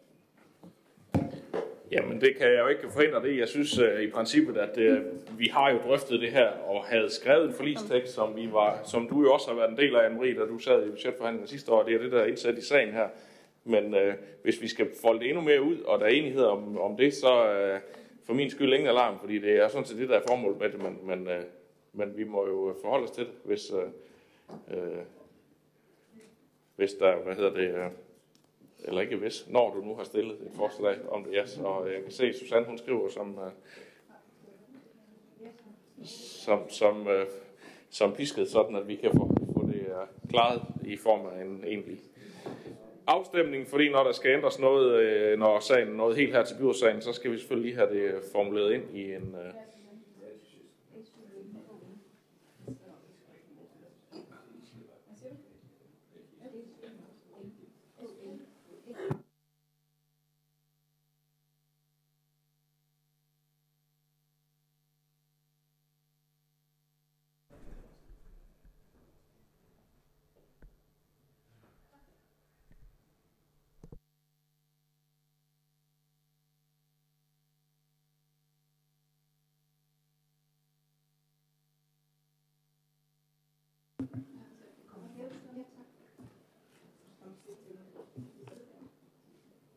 Og lige om lidt bliver der så åbnet for en afstemning, fordi at øh,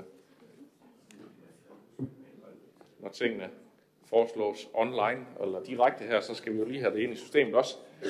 Øh, og det er hermed, øh, nu kan man så ikke helt læse det her, men, men det kan I på jeres skærm, at der er forslag om at tydeliggøre kommissoriet, at den væsentlige, væsentlige formål med boligpolitikken er, at vi bor blandet på tværs af sociale og økonomiske skæld i hele kommunen.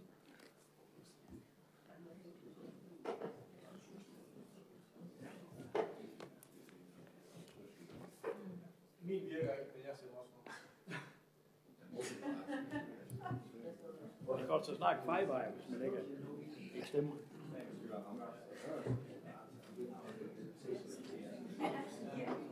Og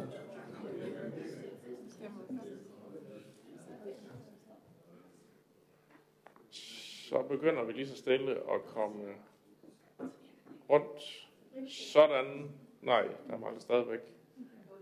Michael har givet til udtryk, hvad han stemmer også. Så der er dermed 30, der stemmer for og en imod, og dermed er den tilføjelse øh, taget med. Og så skal vi sådan set øh, jo i princippet øh, også forholde os til selve kommissoriet. Øh, og øh, er der nogen, der vil... Øh, det var ikke nogen, der stemte mod økonomiudvalg, så jeg kigger lidt rundt og spørger, om vi er enige om, at det kan vi så øh, øh, ellers øh, godkende sådan grund, grundlæggende. Det kan vi. Det bringer os øh, videre til øh, sag nummer 6, som handler om tidspunkt for afstemning på Mandø i forbindelse med det kommende folketingsvalg. Der øh, har, er det et forslag, at øh, valgstedet først åbner kl. 9, øh, i stedet for kl. 8, som de gør de fleste andre steder. Vi vurderer, og det har været sådan tidligere, at øh, man godt kan nå at få afviklet valget på Mandø øh, fra kl. 9 til stemmestederne lukker kl. 20. Det er ikke noget, vi kan give en generel bemyndigelse til. Vi er nødt til at tage det gang for gang, og også denne gang var der enhed i økonomiudvalget, og det ser også ud som om, at et byråd kan bakke op om, at vi ændrer tidspunktet lidt. Det gør vi.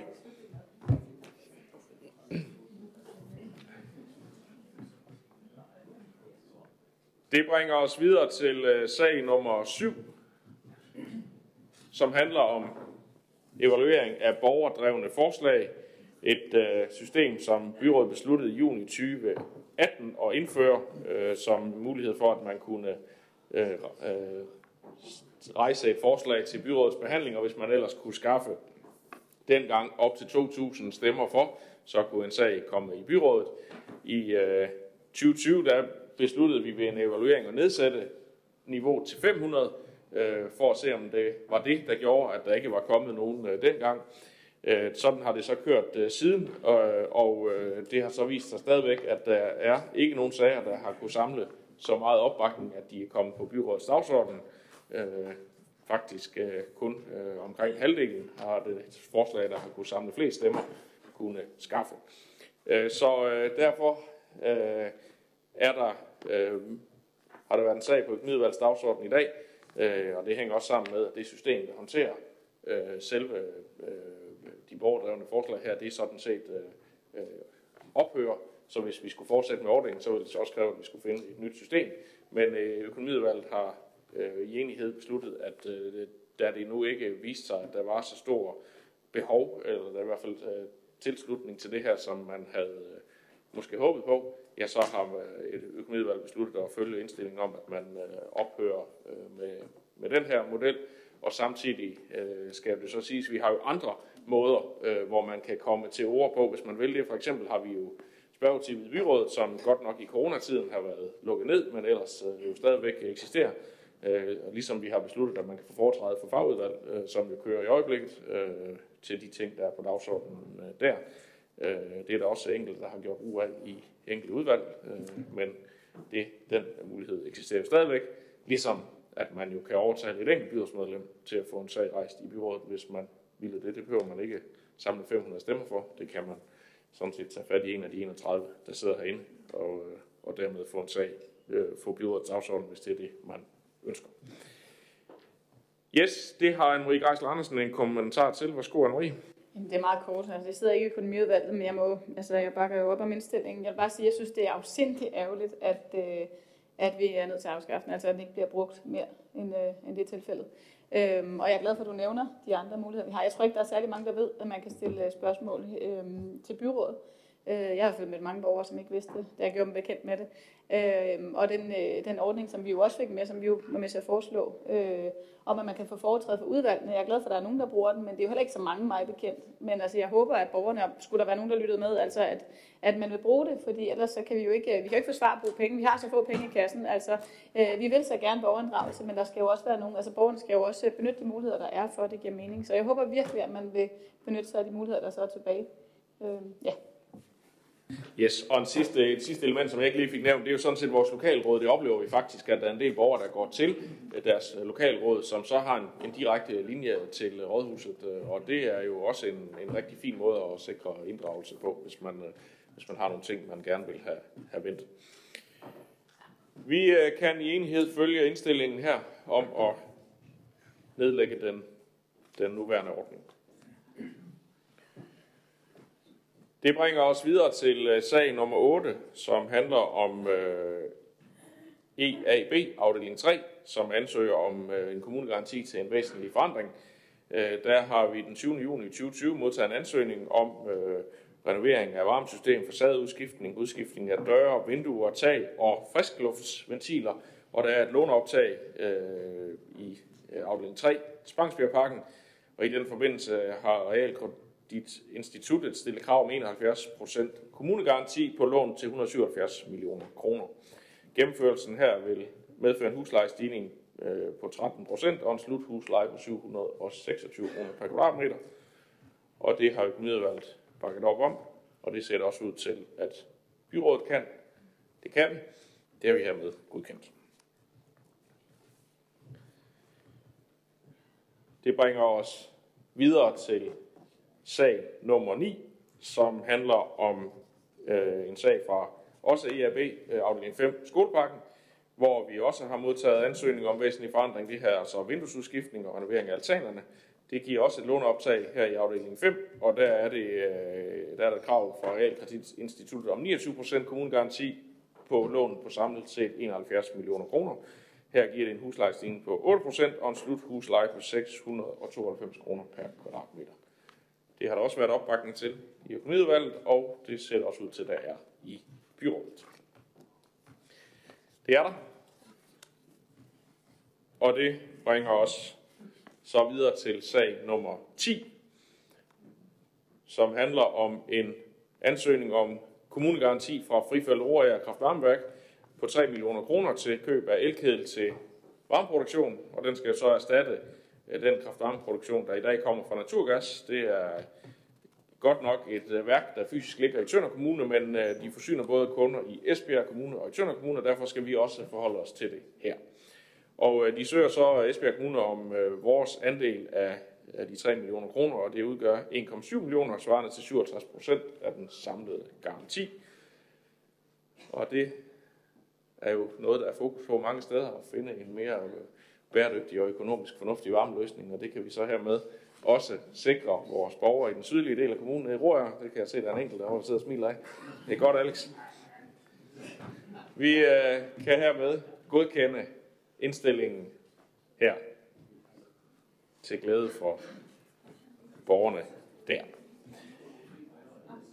Det bringer os videre til øh, sag nummer 11, som øh, er en sag fra børn- skoleudvalg, så Diana Mos Olsen, den får du lov til at sige lidt til. Vær så god. Tak for det. Prosit, Ulla. Ja.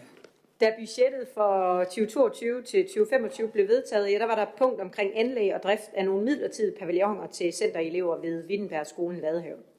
Baggrunden for vores daværende beslutning var, at øh, de elever, der var, øh, havde større behov for pleje og ikke mindst øget afskærmning. Og det levede rammerne på specialundervisningscentret desværre ikke op til. Og for at rumme de her elever, ja, så skulle der etableres en nødvendig løsning ret hurtigt i form af midlertidige pavilloner. Det viste sig dog, øh, gudskelov, at specialundervisningscentret kunne lege sig ind i Tvedgade 21 i Ribe, og dermed var der ikke brug for at etablere de her nødvendige midlertidige pavilloner. Og grund til, at jeg siger gudskelov, det er fordi, man har sådan en tendens til at sige midlertidige pavilloner, men hvis vi kigger rundt på nogle af de pavilloner, vi i tidernes morgen og etableret midlertidigt, så har de stået alt, alt, alt for længe, mange, mange år. Så derfor øh, vil vi hellere have noget varigt end øh, nogle pavilloner. Det betyder så nu, at driftsmidlerne til de her midlertidige pavilloner i stedet kan anvendes til legemålet i Tvedgade 21 frem til 25.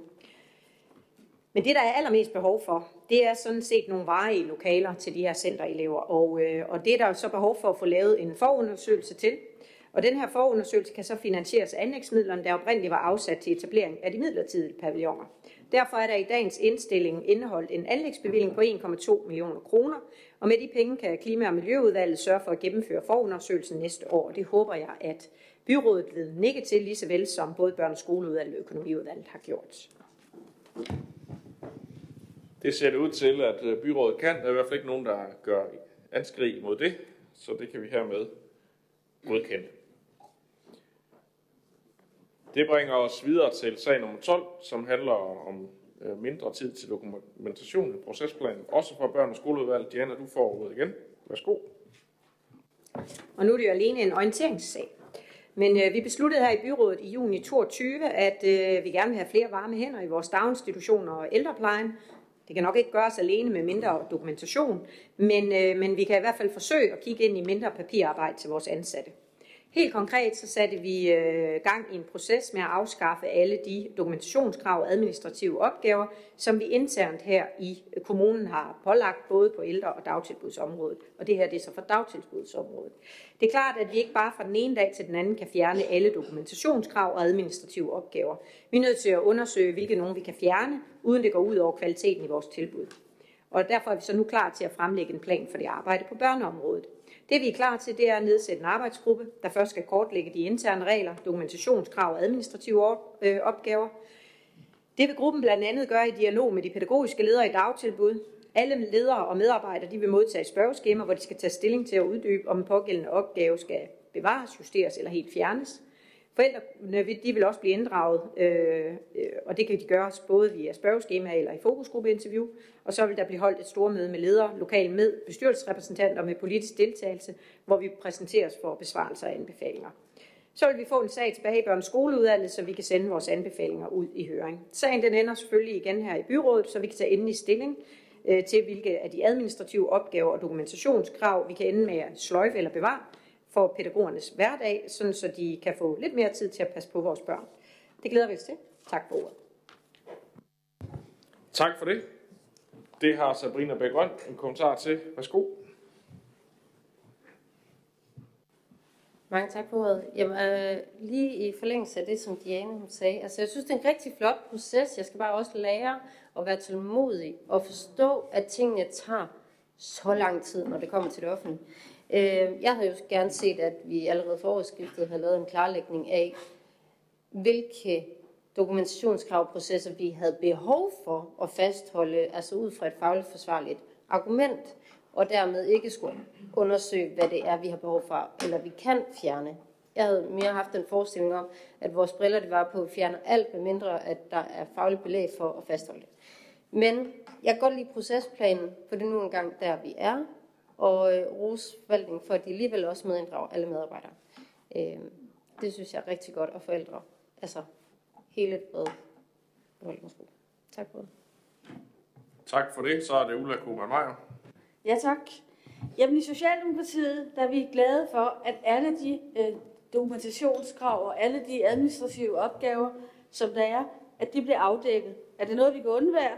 Er det noget, der er, der er unødvendigt? Eller er det virkelig nødvendigt? Nu nedsættes der en arbejdsgruppe, som kortlægger det hele, og efterfølgende så indsamles der data. I Socialdemokratiet er vi tilfredse med, at alle medarbejdergrupper kommer med i den her arbejdsgruppe, da man ligegyldigt hvor, fra hvilken side man sidder, og fra hvilket job man har, har forskellige view på, hvad er det, man bruger en masse tid på. Så derfor så er vi meget tilfredse med, at øh, også pædagogerne bliver repræsenteret i arbejdsgruppen. Tak. Tak for det. Så er det Diane. Jamen, det var bare en kommentar til, hvorvidt det er langsomligt eller ej. Øh, involvering inddrages, det tager tid. Det er klart, at vi kunne have truffet en beslutning om bare at gøre det fra den ene dag til den anden, men det vil jo ikke skabe et medejerskab. Det vil ikke skabe en involverende proces. De bestyrelser, vi har i vores dagtilbud, som også lægger en masse kræfter i at arbejde for at udvikle på området, jamen det er væsentligt at høre, hvad de har at sige. Det samme med vores medarbejdere. Det er trods alt dem, der har kendskab til, hvad der er betydningsfuldt for deres faglighed, den faglige udvikling, som vi jo også skal have, og som noget af det her dokumentation jo rent faktisk anvendes til. Og så naturligvis også, hvad for noget af det, som vi ikke har behov for, hvad for noget af det, der fodrer os med noget, som vi måske ikke engang bruger til ret meget. Desuden så øh, ligger det jo rigtig godt i tråd med, at vi arbejder med øh, at frisætte hele skoleområdet. Så dengang vi træffede beslutningen her i juni måned, jamen der var vi allerede i gang med en proces i forhold til skoleområdet, og var blevet enige om, at vi ville have hele dagtilbudsområdet med. Så det er lidt nogle processer, som vi kører, øh, samtidig med, at vi også har frisat hele skoleområdet i en inddragende proces, involverende proces for at sikre medejerskab, så vi rent faktisk også kommer til at, øh, at få træff, truffet nogle beslutninger, så også efterfølgende kommer til at leve. Og det tager tid. Tak for det. Der er ikke flere, der har bedt om ordet, så den orientering om procesplanen kan vi hermed notere os i byrådet. Og det kan bringe os videre til sag nummer 13, som handler om anlægsmidler til nybyggeri i Nordlandsparken, og nu kom systemet også med. Og det er også en sag for børn- og skoleudvalget. Diana, du får ordet igen. Værsgo. Tak for det. Jamen, daginstitutionen er vurderet i masterplanen for dagtilbudsområdet til ikke at være attraktiv til at blive udviklet i eksisterende rammer. Det er pænt skrevet, vil jeg sige. Men byrådet har i budgettet afsat midler til at nedrive og genopføre i udvidede rammer på Nordalsparkens grund, Nordalsparken 34. Det har været noget, man har drømt om og ønsket meget, meget længere og været behov for i mange år. Nu er licitationen gennemført, og øh, den har jo vist sig, ligesom så mange andre, at det koster flere penge, end det vi havde troet på. Og nu søges der så om frigivelse af anlægsmidlerne til nedrivelsen af de eksisterende bygninger, som genopførelse af Nordalsparken i en udvidet ramme. Det vi i dag skal godkende, det er frigivelsen af det bevilgede anlægsbeløb og finansieringen af merudgifterne efter licitationsresultatet. Begge dele blev godkendt i øh, børneskoleudvalget, men i øh, økonomiudvalget der blev punkt 1 godkendt, dog med den bemærkning, at den ikke disponerede anlægsramme i 2026 reduceres tilsvarende med det mere beløb, og punkt 2 blev ligeledes godkendt, og det håber jeg også, at byrådet vil være med til. Tak for det. Det er der ikke andre, der har bemærkninger til, og øh, dermed kan vi også, tænker jeg her, godkende økonomiudvalgets indstilling dertil.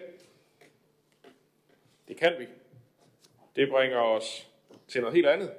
Nu skal vi nemlig øh, til boringsnære beskyttelsesområde, en sag fra Klima- og Miljøudvalget. Jørgen Alkvist, den får du lov til at sige lidt til. Tak skal du have. I den her sag der øh, anmodes vi om at træffe beslutning om øh, ekspropriationsvilje for at sikre grundvandet inden for næringsområdet til fire drikkevandsboringer. Boringerne tilhører henholdsvis Østeråbølling, eller som man kalder det ned, Østerolling vandværk og Stort Darm vandværk. Vandværkene har forhandlet med i alt fire lodsejere om aftalernes indhold og erstatning herfor. Aftalerne omfatter i alt 8,7 hektar, hvor der ikke længere må bruges sprøjtemidler. Ved at træffe beslutninger om ekspropriationsvilje gives der optimal mulighed for skattefritagelse for erstatning til lodsejeren. Til gengæld bliver lodsejeren bundet af aftalen, hvilket de er indforstået med. Øh, Teknik og Miljø vurderer, at der er behov for disse tiltag for at beskytte grundvandet bedst muligt mod sprøjtemidler. Punktet er godkendt i enighed i Klima- og Miljøudvalget og i Økonomiudvalget, og jeg anbefaler byrådet at gøre det samme. Tak for det. Det er der ikke nogen, der har ønsket ord til, så det kan vi hermed også gøre i byrådets enighed. Og det bringer os videre til sag nummer 15, som handler om tillæg til en spildevandsplan. Også en sag fra Klima- og Miljøudvalget. Jørgen, du fortsætter. Værsgo. Jep, og det her det er en sød lille sag.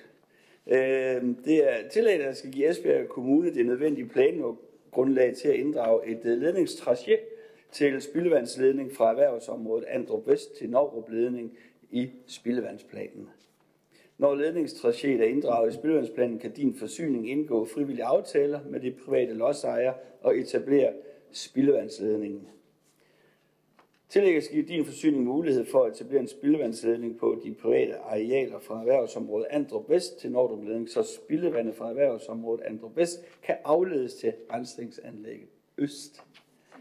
Spildevandsledningen medfører, at der kan gennemføres en udbygning af erhvervsområdet Andrup Vest på et grundlag, der sikrer en miljømæssig og forsvarlig håndtering af spildevandet fra områdets kommende virksomheder. Punktet er godkendt i øh, enighed i Klima- og Miljøudvalget og Økonomiudvalget, og igen anbefaler jeg byrådet at gøre det samme. Tak for det.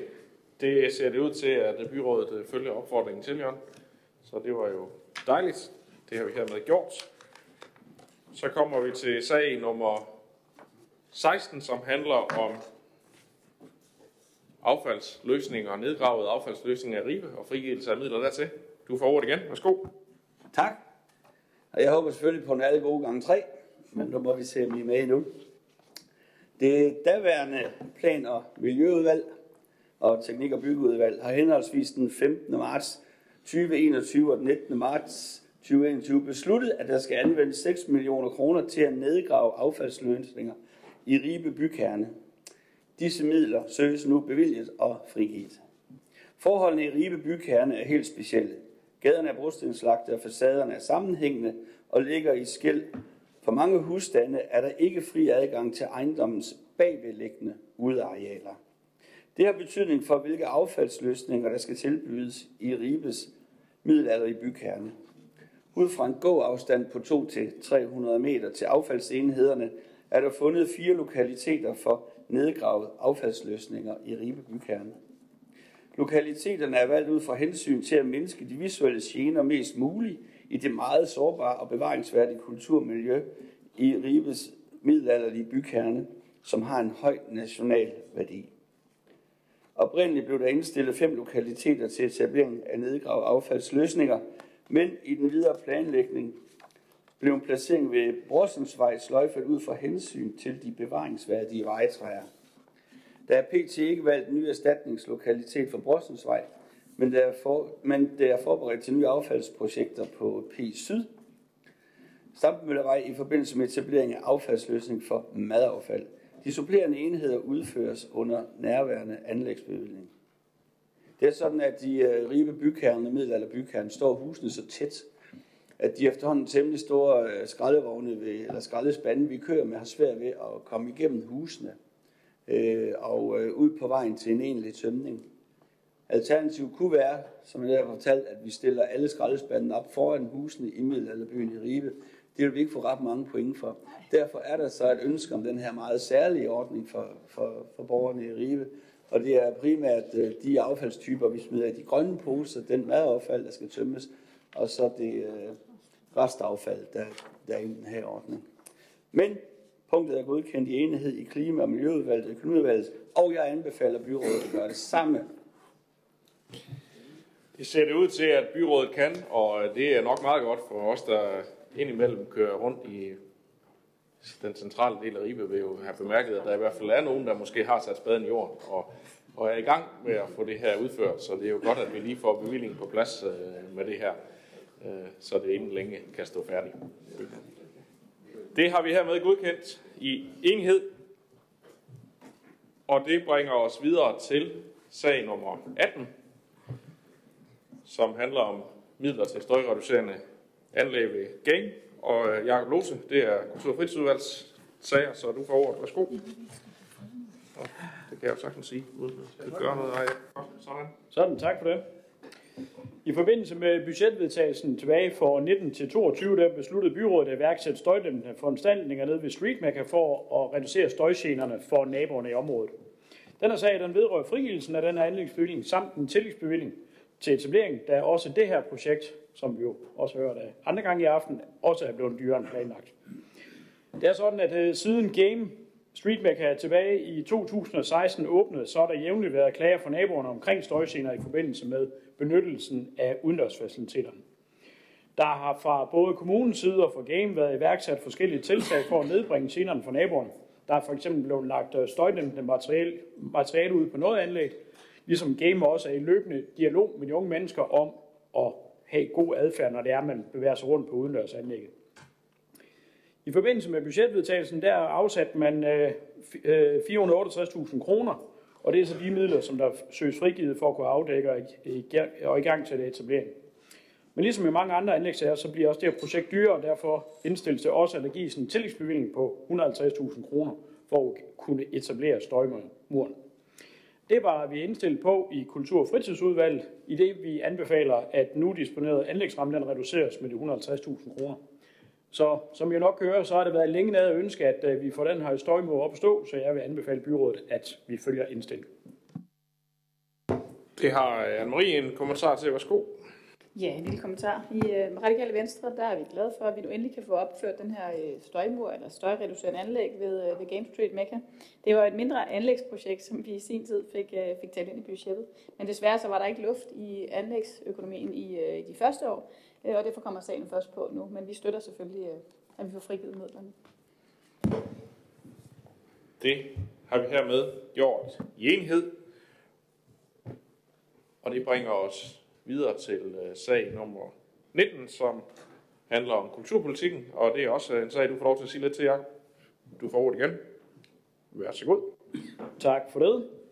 Øh, den skarpe jagter kan måske huske, at den nuværende kulturpolitik ikke er super gammel, fordi den vedtog vi sådan set i 2019. Og øh, der var sådan tre hovedindsatsområder. Den, det var det stærke kulturmiljø, det udviklende kulturmiljø og det mangfoldige kulturmiljø. Men i mellemtiden er der så sket det, som vi jo også har snakket lidt om tidligere på byrådsmødet i dag. der er der jo vedtaget en strategi, som omhandler Esbjerg som kultur- og oplevelsesby. Og for at sikre, at vi arbejder ud fra det samme udgangspunkt, har Kultur- og fritidsudvalget tilbage i foråret vedtaget, at kulturpolitikken skulle udvides med et nyt indsatsområde, som tager højde for den nye strategi. Og det område kalder man så for det meningsfulde kultur- og oplevelsesmiljø. Og det er så den udvidelse, som vi skal godkende her i dag, hvis byrådet er med på den. Hovedlinjerne i udvidelsen, det er, at man skal bygge på at udvikle vores fortælling igennem festival, gastronomi, festivaler, gastronomi og et væld af aktive oplevelser. Skabe fysiske rum i bymidten for at mødes. Øge byens attraktivitet som turistdestination. Invitere ind i et fællesskab, der respekterer bæredygtighed. Et kulturliv, som bygger på relationer, hvor alle de kan deltage og bidrage. Og understøtte livet i alle typer af foreninger, hvor borgerne de mødes, så alle oplever og føler sig beriget af og bidrager til meningsfulde oplevelser. Og til sidst, at man vil udbygge de internationale relationer. Så kort og godt, jeg håber på, at byrådet kan følge indstillingen. Det tror jeg, det ser ud til, at byrådet kan. Der er i hvert fald ikke nogen, der har bemærkninger til det, så det har vi hermed gjort. Det bringer os videre til sag nummer 20, som handler om en helhedsplan fra Bramming. En sag fra Plan- og Byudviklingsudvalget. Henning Ravn, du får lov til at sige lidt til den. Værsgo. Tak for det. Det er jo faktisk en, et punkt, som er helt tilbage fra sidste periode, fordi den helhedsplan for et større boligudviklingsprojekt på den såkaldte planteskolegrund ved Ettersel i, i Bramming blev vedtaget i byrådet for lige knap to år siden, nemlig den 2. november. Kommuneplanen har efterfølgende været i en offentlig idéhøring, og på grundlag af høringssvar fra Bramming Lokalråd og bestyrelsen for Fortuna-skolen, så anbefaler Teknik og Miljø, at det videre arbejde med udarbejdelsen af en lokalplan for boligprojektet, der oprindeligt indeholdt opførelse af senior- og familieboliger, nu revurderes, så også øvrige udviklingsmuligheder, såsom skoler og fritidsområdet, bliver inddraget i undersøgelsen. Det tænkes øh, at kunne ske ved at afholde workshop og dialogmøder med forskellige interessenter. Det vil selvfølgelig forsinke lokalplanen for området, da det blandt andet også skal afvente resultat for en masterplan for skolerne med mere. Det er dog forventningen, at lokalplanen for området kan vedtages i foråret 2024, hvis byrådet ellers følger indstillingen fra plan- og byudviklingsudvalget og økonomiudvalget, der indstiller, at der gennemføres et bredere forarbejde, som efterspurgt i høringsvarene, i det høringsvarene hedder det, og at forarbejdet gennemføres, som beskrivet i sagsfremstillingen. Det var det. Tak for det. Det har Ulla Kohmann mig også lige en bemærkning til. Værsgo. For det. Ja, helhedsplanen for Bramming. Nu er det blevet en helhedsplan for både skole, dagpasning, ældreboliger, familieboliger, placering af skatebane. Og husk også en trafikplan. Super mange gange tak til lokalrådet og til skolebestyrelsen for Portuna for at råbe højt, højt nok til, at vi alle sammen kunne høre det. Denne plan skal pege frem 30 til 50 år. Og det skal være model for, hvordan vi fremadrettet arbejder sammen på tværs af forvaltninger. Altså, der er to keywords i den her. Borgerinddragelse og ingen siloer. Husk det, jeg siger det lige igen. Borgerinddragelse og ingen siloer. Tak for ordet. Selv tak. Og så kom Diana Mos Olsen også lige på banen. Værsgo, Diana. Ja, det vil jeg tillade mig, fordi vi har jo rent faktisk forsøgt at undgå, at det her det skulle blive silo, ved at øh, have den oppe efter gentagende øh, forslag fra, fra skolebestyrelsen, fordi man dengang, hvor sundhed og omsorg, som så vidt jeg ved, du selv sad i, satte den i gang, glemte man at involvere de fagudvalg, som rent faktisk er den berørte. Og derfor har den haft en lang vej på jorden.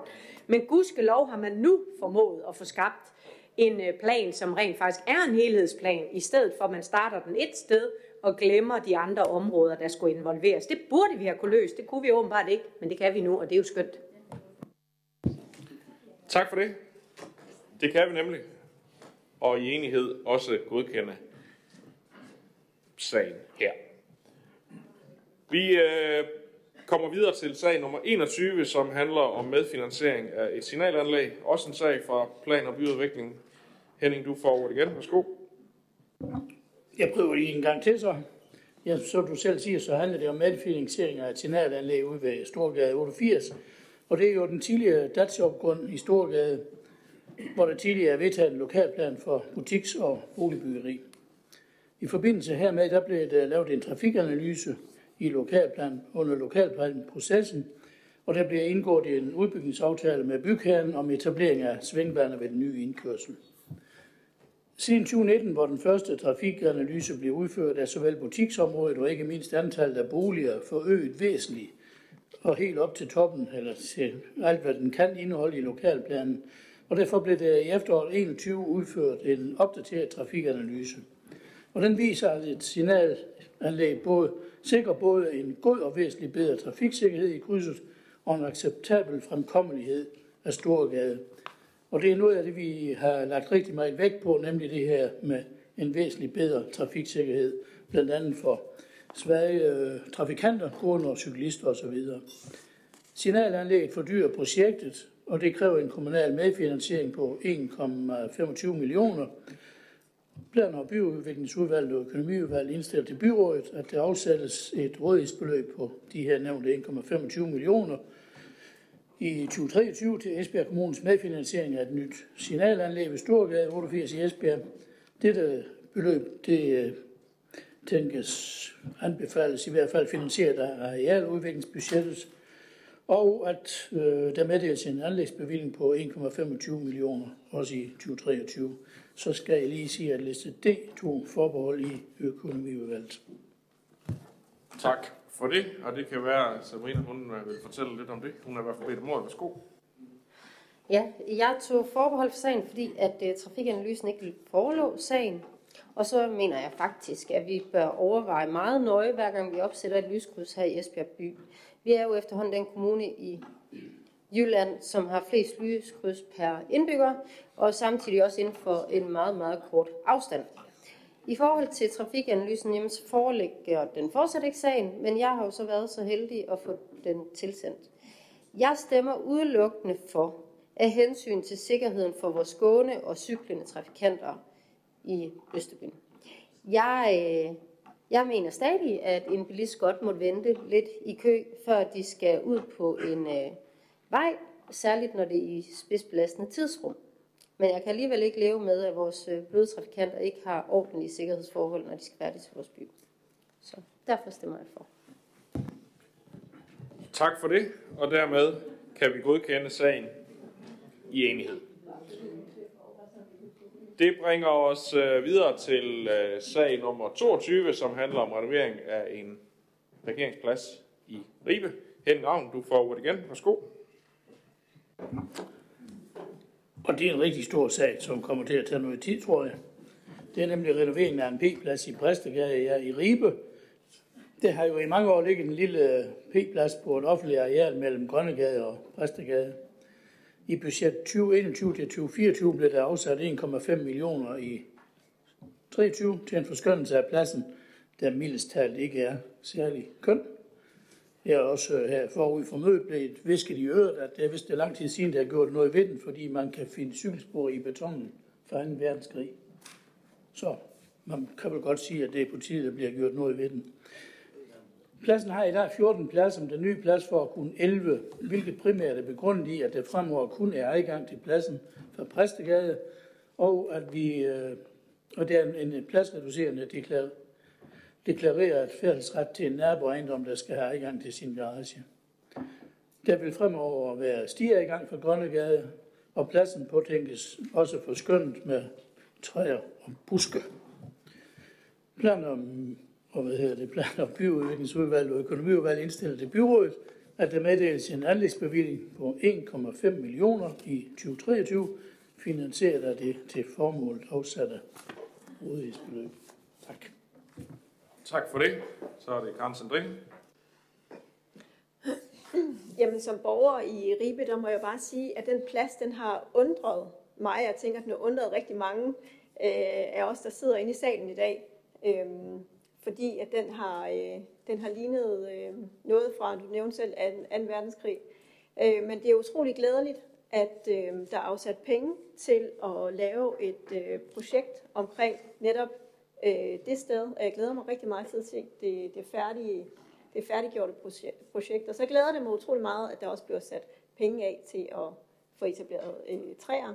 Øhm, og jeg tænker, at det vil løfte netop øh, den plads utrolig meget, øh, og de omkringliggende øh, boliger vil også få stor gavn af det. Øh, så dejligt for Ribe. Tak for det. Det kan vi hermed også godkende i enhed. Og ja, det er nok ikke for tidligt. Hvis du har cyklet, eller hvis nogen har cyklet der lige efter den verdenskrig hen. Vi øh, godkender her og kommer videre til sag nummer 23, som jo er en øh, sag, der har været i Social- og Arbejdsmarkedsudvalget, men om, handler om øh, endelig beslutning i forhold til retten til tidlig pension, og så er der noget af det, der er begavet byrådet af Socialdemokratiet og Radikale Venstre, og det ser ud til, det er Jacob Lykke, der vil sige lidt øh, til den. Først og fremmest, værsgo Jacob. Nej, med enighed, jeg tror. Jeg ser, om jeg kan. Og lige et øjeblik. Ja. Du taler om enighed. Jeg tror også, det er ved at slå op med enigheden, i hvert fald til den her sag. Men øh, da der i oktober 2020 blev indgået en aftale om retten til tidlig pension, i folkemunde kendt som Arne pension, en værdig pension, så besluttede regeringen og de øvrige aftalepartnere samtidig, at finansieringen af aftalen blandt andet skulle findes ved at nytænke den kommunale beskæftigelsesindsats. Efterfølgende er der indgået to delaftaler om, hvordan besparelserne som følge af nytænkning skal implementeres.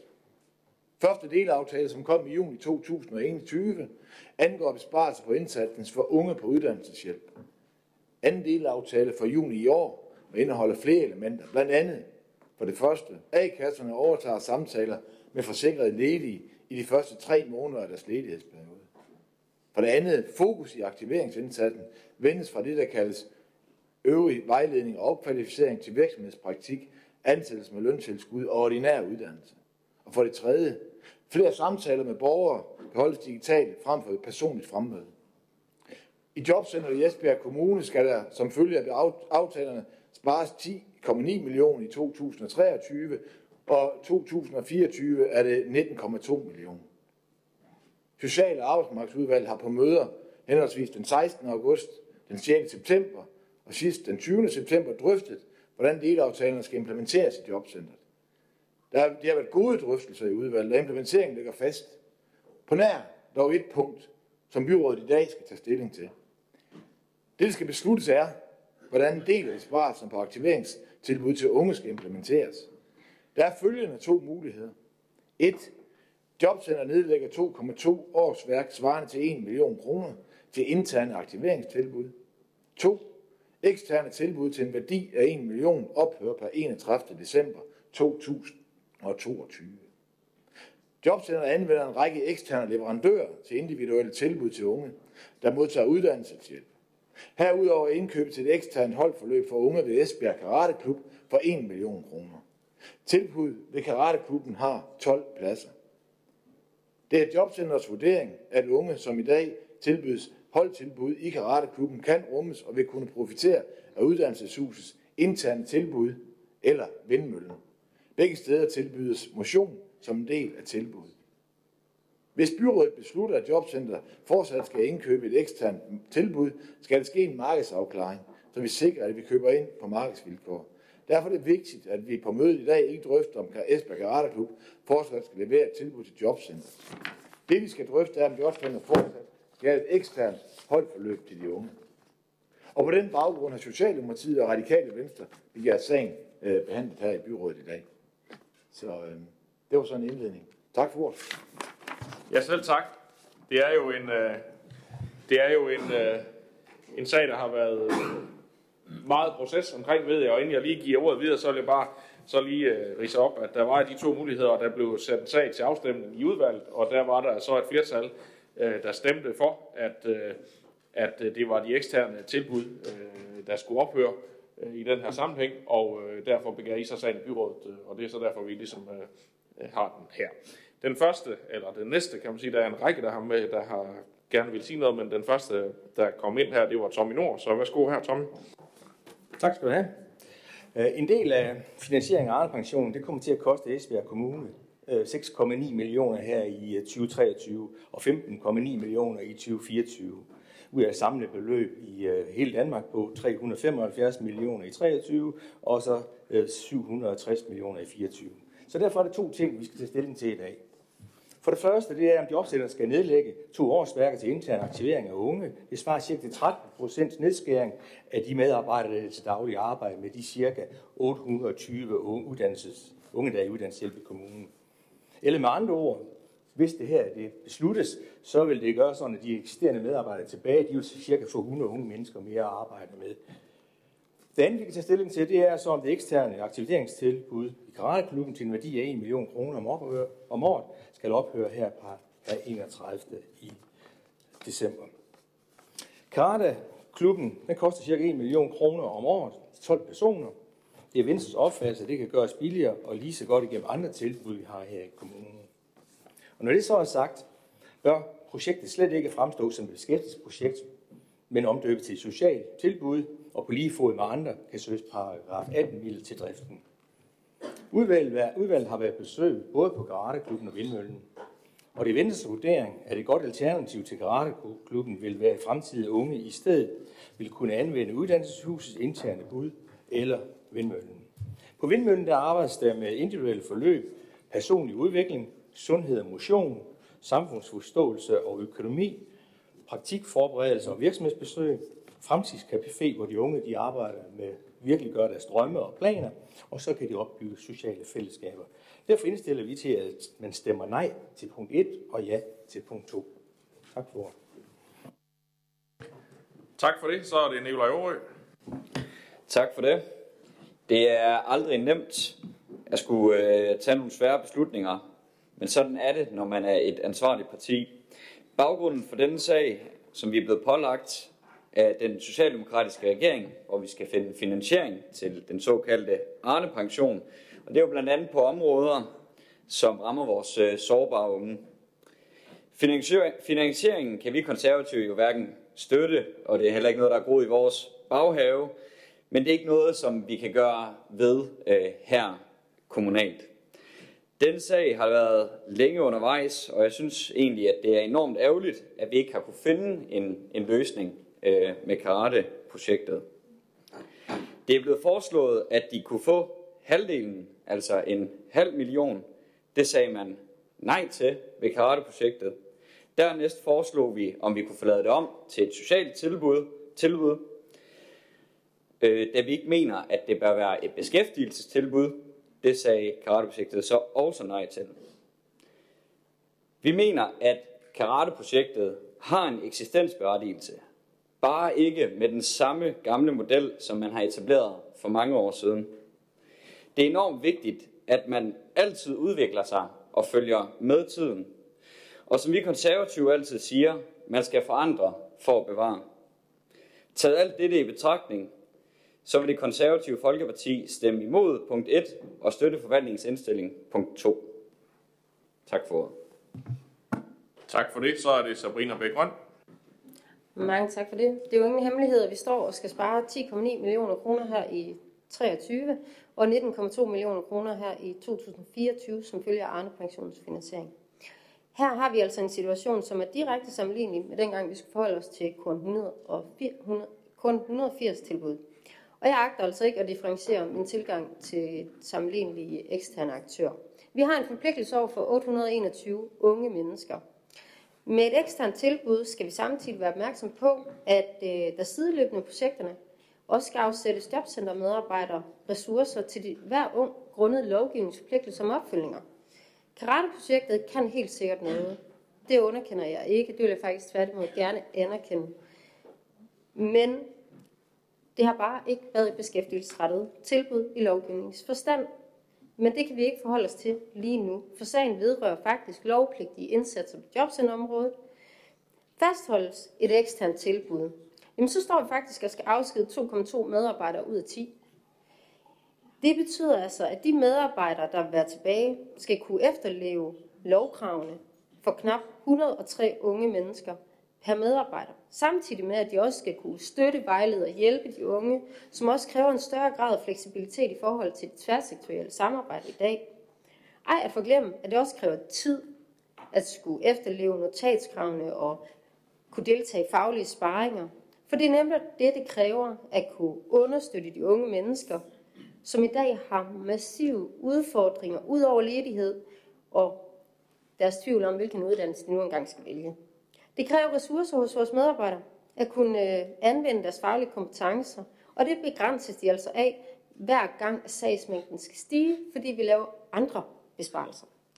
Dansk Socialrådgiverforening peger faktisk i en vejledning på, at en medarbejder, der arbejder med aktivitetsparate unge under 30 år, skal have en sagsmængde svarende til 25-45 sager, altså unge mennesker tilknyttet hver medarbejder. Og taler vi om job- og uddannelsesparate unge under 30 år, ja, så vejleder de faktisk om, at medarbejderne skal sidde med 30-50 sager. Det er en væsentlig forskel fra de 103. Så når vi sætter det hele i perspektiv, så mener jeg bestemt ikke, at vi som kommune kan fastholde et eksternt tilbud frem for 2,2 medarbejdere. Tak for ordet. Tak for det. Så er det Anne-Marie Garsel Andersen. Det her det har ikke været en, øh, en let sag, øh, tror jeg også godt, man kan sige. I Radikale Venstre, der, øh, der stemte vi ved seneste udvalgsbehandling for at, øh, at spare på Jobcentrets indsats frem for på karateprojektet. Og det gjorde vi på det daværende grundlag. I midlertid så har vi efterfølgende fået øh, sagen yderligere oplyst, hvorfor vi har revideret vores, øh, vores holdning. I Radikale Venstre, der havde vi helst set, at, øh, at karateprojektet var blevet omlagt til et frivilligt tilbud, som vi også har gjort det med øh, kun 180. Et tilbud, som i øvrigt er store fortalere for. Og desværre også jo et af de få tilbud, øh, der efterhånden er tilbage på, på det her område. Vi mener ikke, som andre har sagt, at vi øh, kan eller bør tillægge en, øh, en anden tilgang til karateprojektet end til K180. Ingen af tilbudene anser vi for et decideret beskæftigelses- eller, eller hvad hedder det, uddannelsesrettet tilbud, snarere et socialt tilbud. Og derfor der mente vi, at begge tilbud burde høre under paragraf 18, hvilket karateprojektet så har valgt at sige nej til. Og heller ikke set i lyset af de store besparelser, som Arne-pensionen jo har medført desværre på beskæftigelsesområdet, kan vi forsvare at bruge så stor en andel øh, af de begrænsede tilbageværende midler på, på så få pladser, som det er tilfældet i øh, karateprojektet. Så derfor der stemmer vi imod øh, punkt 1 og for punkt 2. Tak for det. Så er der, der, er der stadigvæk mange på listen. Den næste det er Rasmus Rasmussen. Ja, tak. I min verden så bliver Esbjerg et fattigt sted, hvis vi ikke har råd til et projekt, som øh, minder om karatprojektet. Det er et enestående projekt. Det har det været i årvis. Øh, det er et projekt, der hjælper folk videre i deres liv, som ikke kan rummes andre steder. Det er folk, som kommer ud fra vindmøllen, som er i noget af det, som Jobcenteret nu siger, at det, det kan de godt rumme. De har ikke kunne rumme dem i overvis, men nu kan de lige pludselig godt.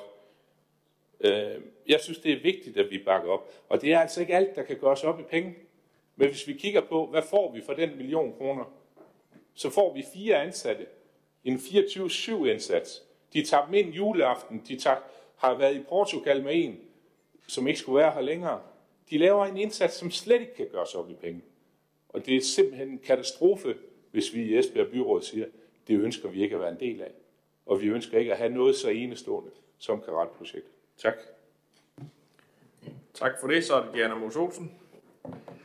Jamen ja, man skulle næsten tro, Rasmus og jeg, vi havde koordineret, hvad vi skulle sige, fordi jeg er sådan set fuldstændig på linje. Øh, nu sidder vi jo ikke i Social- og Arbejdsmarkedsudvalget, og jeg vil sige, jeg synes, det, det er pest eller kolera. Altså at skulle stemme for at nedlægge 2,2 årsværk på en i forvejen, øh, udfordret, et i forvejen udfordret område, hvor man har langt mere og flere unge, end man egentlig bør have, eller at øh, sige, at vi skal ophøre samarbejdet med Karateklubben, som i overvis har lavet en kæmpe, kæmpe stor indsats, både på det sociale område, men også på det beskæftigelsesmæssige område. Altså jeg har stiftet bekendtskab med rigtig mange, øh, som i dag er voksne, som har været en del af karateklubben igennem deres øh, øh, unge år, deres vanskelige år, men som i dag øh, stadigvæk eksisterer og er i arbejde på grund af den indsats, der blev leveret på daværende tidspunkt. Og, øh, og vi vil have meget, meget vanskeligheder ved at sige, at, øh, at tilbuddet skal ophøre. Øh, vi vil også meget nødigt sige ja til at nedlægge de 2,2 årsværk, så, så vi synes sådan lidt, det er en kæmpe stor udfordring, vi står overfra. Men står vi for at skulle vælge, så, øh, så vil vi være nødsaget til at øh, stemme ja til punkt 1 øh, og nej til punkt 2. Tak for det. Så er det Karin Svarts. Ja, tak. Øh, det skal jo ikke være nogen hemmelighed, og det tror jeg også, at man har set sådan hist og pist, at øh, jeg øh, bakker 320 procent op omkring øh, det projekt, for jeg har set det virke. Øhm, dels da jeg sad øh, i min første periode i Esbjerg Byråd, hvor det blev øh, opfundet af, af Per Fisker, vores øh, socialdirektør her, så man kan sige et eksternt tilbud. Jeg gør lige sådan her, fordi det er egentlig noget, der er opfundet af, af vores kommune, og som øh, en tidligere øh, postbud, øh, Karsten, sammen med postvæsenet, så besluttede, skal vi prøve at se, om vi kan få det her til at fungere. Øh, og det kunne man, og det voksede, sig, det voksede og blev, øh, blev, blev ret stort, og der er rigtig mange øh, gode resultater. Blandt andet den her, alle har en historie, som blev lavet i 2014, hvor man kan se alle de her skæbner, som har været igennem dernede, som er kommet ud på den anden side. Det er helt fantastisk. Man kan se vores tidligere borgmester, Johnny Søtrup, roste det her i sin indledning. Og så er det, jeg kommer til at tænke på, det er ikke længe siden, vi er blevet nappet lidt i ørerne af en øh, formand for en af vores store fonde eller direktører, hvor han siger noget i stil med, øhm, øh, ja, hvad var det, han sagde? Vi gør en hel masse for at trække noget til. Vi gør en hel masse for at trække borgere til. Men hvad med de borgere, der er her? Hvad med dem? Skal vi ikke gøre noget for dem? Her har vi faktisk noget, som virker i vores kommune. De har været her i næsten to årtier og tjent vores kommune. Skulle vi ikke prøve at gøre lidt for dem? Nu har vindmøllen, som Diana nævnte, det er også fondstøtte. Det ligger derude. Fondene, de putter sikkert penge i vores kommune, fordi de tror, de godt, at vi lige skal gøre noget ekstraordinært. Så nytter det da ikke noget, vi kapper noget, der fungerer over ved rådet. Der er mennesker i det her. De får et livslangt netværk. Vi ved jo godt, at hvis man som menneske lander i kriser, så er et sundt netværk afgørende. Og det er det, de får dernede. Et sundt og vedblivende netværk. Det er det, man får. Det er derfor, det hedder karatefamilien. Så det er altså, hvad man ikke får for de penge. Jeg kommer til at tænke på alle de der avisartikler, jeg har læst om kommunen her på det sidste, når man følger lidt med. 1000 millioner på det specialiserede område. Det er mange penge. Det er vildt mange penge, og så sidder I garanteret dog. Nu ved jeg, at der er folk fra Grave-familien hernede i dag. To frivillige og en, der har været der mange år tilbage. Øh, I burde tænke, ej, når man sidder og taler om velfærd, og man sidder og taler om så mange millioner, så er det en sølle million. Og, og, og Lises forvaltning har jo stillet det op på den her måde. Men kunne der ikke være andre muligheder? Kunne vi ikke finde den million et andet sted? Helt ærligt, jeg synes, det er fattigt. Vi har bedt dem om at tage den her chance for næsten 20 år siden. Vi kan huske det. Du kan huske det, Jacob. Hans Erik sad som øh, formand for det udvalg dengang. Vi har bedt dem, og de har løst en helt vild opgave for os. Og nu øh, sådan, kan vi bare lige skal ud med badevandet. Øh, på den lukkede dagsorden først, og så er nu den så på en, en åben dagsorden her. De er ikke engang på i budgetforhandling. Man kan ikke engang se det. Lige pludselig er de bare væk. Og de har det, der hedder, jamen, per 31. i 12. så er det bare nedlagt. Det hedder et eksternt tilbud, men de har altså tjent vores kommune i næsten to årtier. Hvis det havde været de 2,2, som jeg slet ikke tvivler på, gør en helt fantastisk forskel i din afdeling, Lise. Jeg er ikke i tvivl om det. Og de er rigtig vigtige. Hvis de 2,2 skulle opsiges, så kunne de komme i jobbank eller omplacering, eller de kunne få tre måneders opsigelse. De her mennesker, som har tjent os, de får 0 og niks. De er bare ude, når vi kommer til en 31. 12. Jeg synes, det er sørgeligt. Øh, her tilbage i, øh, jeg ved ikke, hvor langt det ligger tilbage, jeg tror også, det er øh, 2015 eller sådan noget.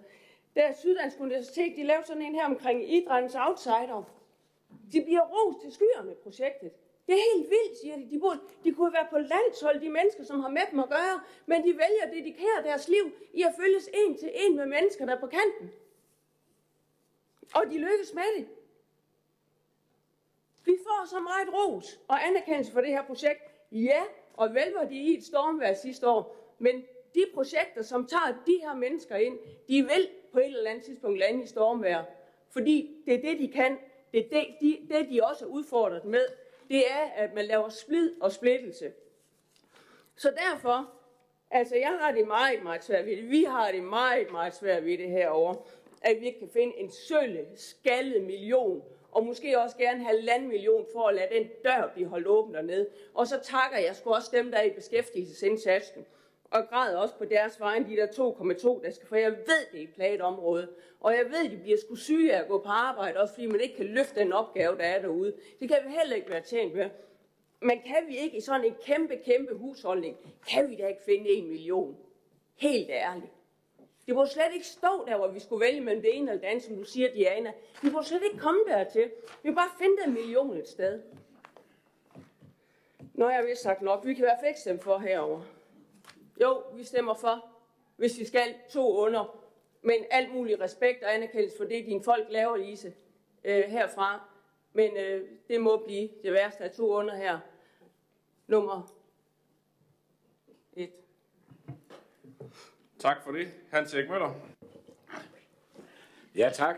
Det er jo slet ikke let at komme lige bagefter sådan meget også følelsesladet øh, indlæg.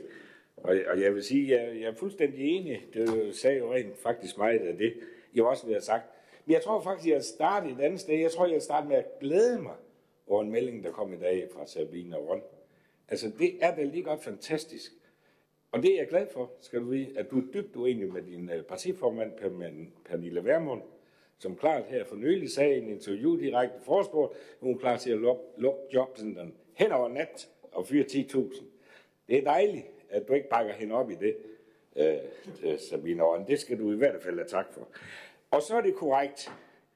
Jeg var udvalgsformand dengang, øh, vi fik øh, startet karateprojektet øh, i samarbejde øh, med Postvæsen.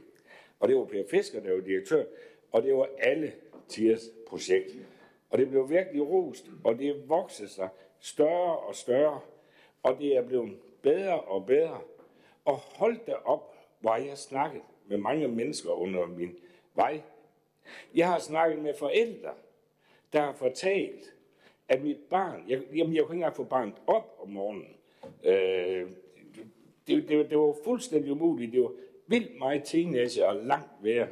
Og efter man har fået et forløb i karateprojektet, så var det blevet væsentligt værre. Der er unge mennesker, der har været med på, på vej i misbrug, i ensomhed, der har alle mulige sociale problemstillinger, som virkelig har fået hjælp i karateprojektet. De kan noget, som ingen andre kan. Og det er fuldstændig korrekt, hvad der er blevet sagt her før. Det har jo været debatteret, at der er andre, der kan løse den opgave. Det er sådan, at de forskellige steder har forskellige opgaver, de kan løse. Så snakker vi om en million. Jeg synes godt nok, det er fantastisk. Der er noget, af det her intelligente investeringer. Der er om også noget, af det her uintelligente besvarelse om den billion, million, man tager væk herfra, den er jeg 100% sikker på, at den borger ud på mange andre kontorer. Hvorfor er det nogle gange, vi ikke prøver at tænke bredt?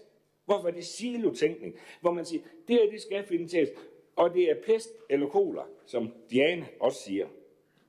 Men prøv at tænke på, tror I, at det her det bliver gratis?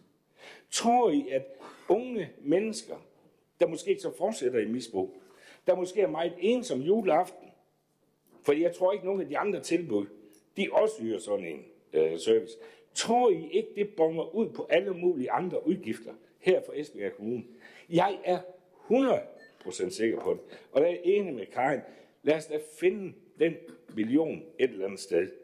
Så ved jeg godt, at der er nogen, der siger, jamen så tilbyder vi, at de i stedet for kunne blive et øh, socialt øh, tilbud. Ja, men jeg husker også, da vi snakkede om det sidste år i forbindelse med budgettet, der snakkede vi om, det var blandt andet 180 andet, at er der nogle steder, hvor vi siger, jamen det er ikke så meget aktivering, det er nok også mere et socialt projekt. Og så, så skal det måske ind under paragraf 18-midlerne. Så skal paragraf 18-midlerne også forhøjes. Men der er jo stadigvæk den grænse på 500.000. Den mener jeg også, man skulle ind og debattere. For jeg tror, når de siger nej i dag, så er det ikke fordi, at det er et nej, men det er et nej for 500.000, for der kan de ikke drive det. Og det er nøjagtigt det samme omkring aktivering. Jeg synes, at her er der nogen, der tænker benhårdt økonomisk, og så kigger man slet ikke på det sociale. Man kigger ikke på de unge hele menneske. Man kigger ikke på alle de unge mennesker, der er blevet reddet og kommet videre i livet her jeg har det sådan, at jeg skammer mig næsten over ved Esbjerg igen, hvis det her det bliver vedtaget. Og det kan jeg næsten forstå, det gør. Så det ærger meget. Vi har to tilbage på listen. Øh, det er nogle øh, lange indlæg, vi har haft, og det, nej, nu kommer der så mere mere på. Øh, og det er også fair nok. Det er en vigtig sag. Jeg vil bare lige rammesætte sådan for alles skyld, at vi har lige vedtaget et budget i enighed, Øh, og det er selvfølgelig det, vi agerer indenfor. Vi har også sidste år vedtaget et budget, øh, som vi var enige om, og der var en del af opgaven jo, vi vidste, vi havde her, fordi regeringen øh, og den støttepartier til Arne har pålagt os en opgave her og har reduceret nogle rammer. Så det er jo pest eller kolera, vi står med her, og det er jo det, det afspejler, at vi er nødt til at tage en beslutning, fordi nogle andre har pålagt os, at vi skal finde nogle øh, besparelser. Og så er der nogle valg i det her, og det har man jo så drøftet nogle gange i øh, fagudvalget, hvordan kan man finde en løsning på det her. Og så ender man jo ved målstregen her, at der er to øh, muligheder øh, skitseret op, fordi man ikke har kunne øh, finde andre øh, steder, fordi der jo er andre besparelser, der også bliver indarbejdet på den ene eller på den anden måde. Så det er jo ikke nogen nem opgave, vi står over for som byråd. Men her ved, øh, ved hvad skal man sige, målstregen på dagens øh, sag her, skal vi jo så øh, forholde os til øh, de ting, og det flertal i udvalget har jo sådan set øh, stemt for øh, punkt 2, og det var der et mindretal, der ikke var enige i, og derfor sad den begge byrådet, og det er så det, vi, øh, vi ligesom skal, skal konkludere på nu.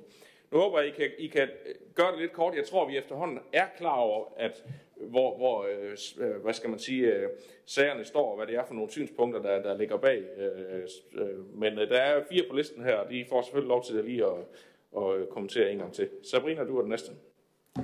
Mange tak. Nu er det sådan, jeg kommer faktisk fra et meget inddragende parti, og jeg vil gerne sige, at jeg selv har været med til at udforme vores politik. Jeg drømmer om, at alle socialrådgiver bliver arbejdsløse, for dermed så har vi ikke nogen sociale problemer, og vi har heller ikke nogen udfordring med, at mennesker kan komme ind på arbejdsmarkedet. Når det så er sagt, så står jeg her i dag og faktisk er forpligtet til at løfte den lovgivning, der i dag er pålagt jobcentrene. Det er vores allesammens forpligtelse her i byrådet. Det er det, vi er valgt til.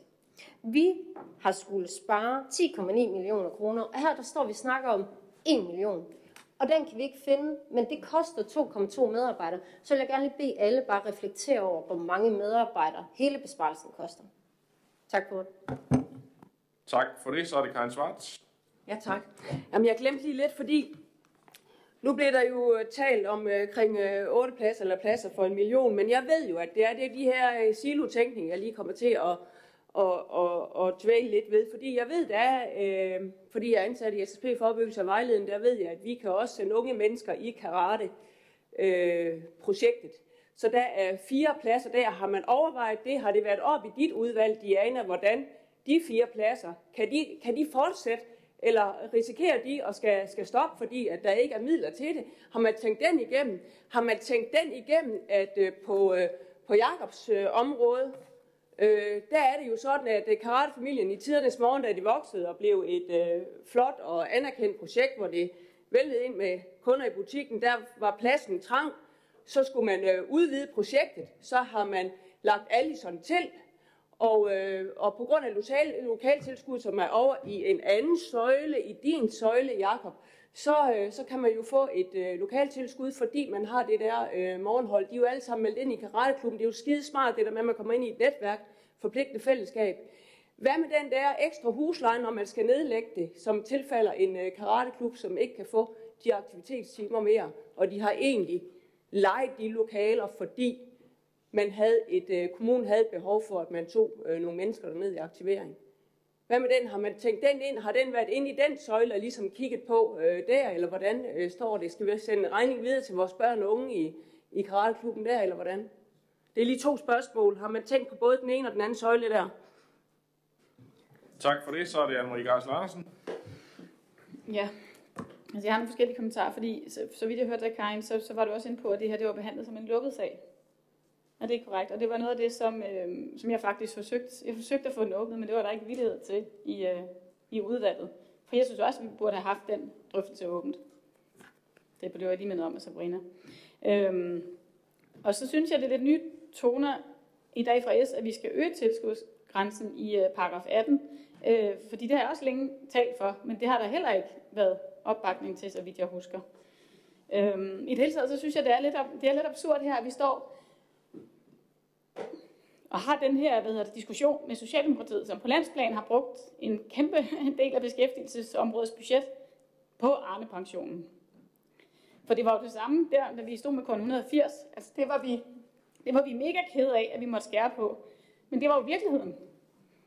Havde kun 180 ikke været villige til at se på, hvordan vi kunne omlægge det tilbud, så havde det jo heller ikke eksisteret i dag. Men det var de villige til.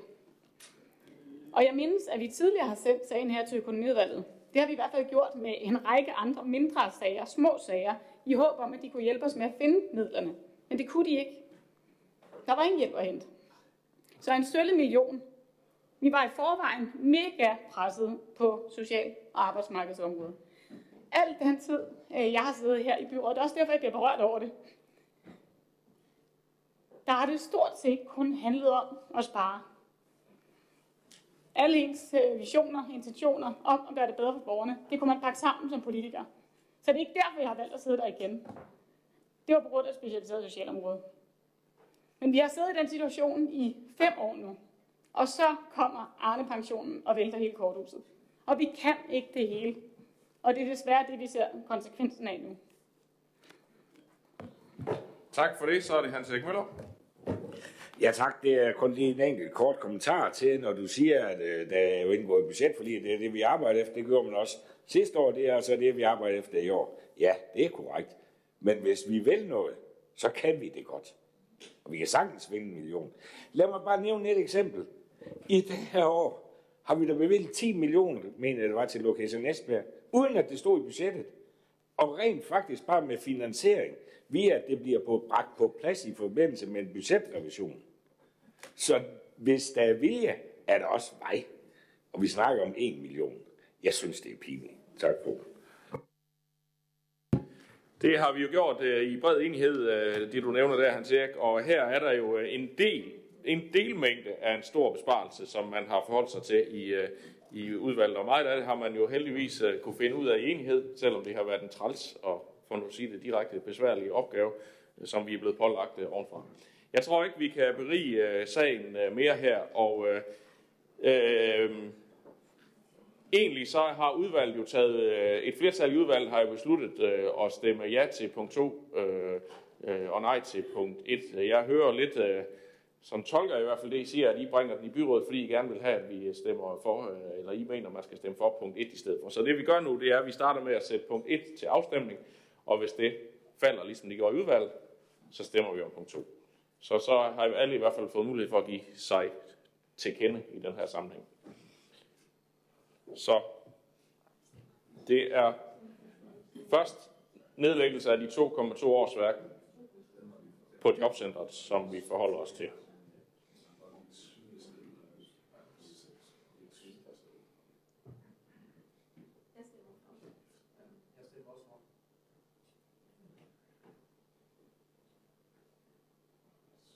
Det er der øh, 12, der stemmer for, og 19, der stemmer imod, og den falder dermed. Og så bringer vi punkt 2 til afstemning, som handler om at reducere eksterne tilbud til en værdi af 1 million kroner. Og det skal vi lige have åbnet for en afstemning omkring. Det kunne vi få der.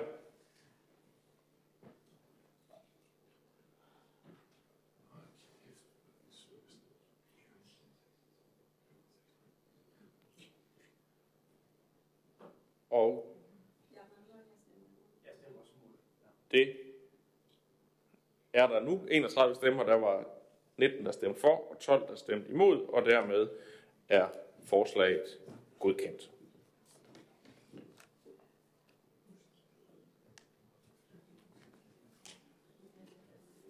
Det bringer os så videre til næste punkt på dagsordenen, som er sag nummer 24, orientering om børnesagsbarometeret. Også en sag, der har været i Social- og Arbejdsmarkedsudvalget, så nu skifter vi til næste emne. Jakob Lykke, du får ordet igen. Værsgo. Hvert år der undersøger Ankestyrelsen, hvordan det står til med sagsbehandling i kommunernes familieafdelinger. Hver år er det cirka en tredjedel af landets kommuner med, og i år er Esbjerg Kommune med. Ankestyrelsen undersøger, om kommunen lever op til nogle af de mange proceskrav, der findes i den lovgivning, de arbejder ud fra. Herunder håndteres alle underretninger inden for 24 timer, og bliver der handlet akut, hvis der er brug for det for eksempel. Bliver de børnefaglige undersøgelser øh, udarbejdet inden for fire måneder, og er børn og forældre inddraget? Er der en handleplan, som angiver målet med støtten? Sker der opfølgning på sager efter de lovgivningsbestemte tidsintervaller? Og er der tilsyn med anbragte børn mindst to gange årligt? Det er bare nogle af områderne. På andre områder har Esbjerg Kommune, der klarer de sig lidt bedre end gennemsnittet. Øh, på andre områder lidt dårligt.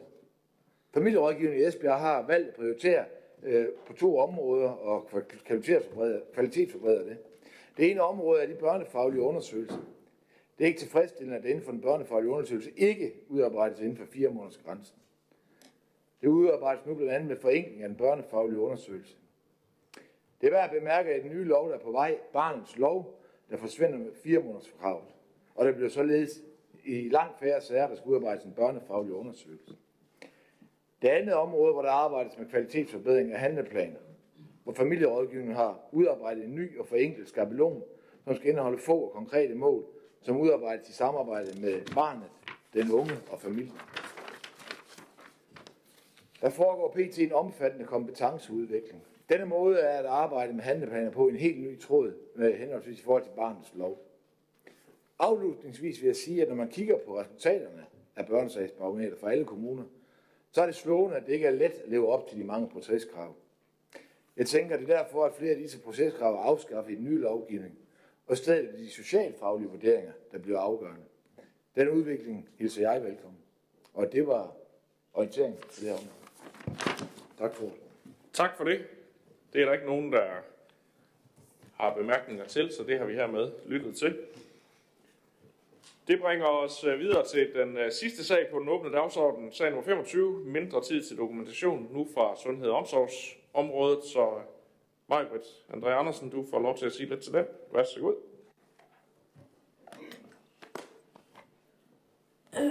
tak for det.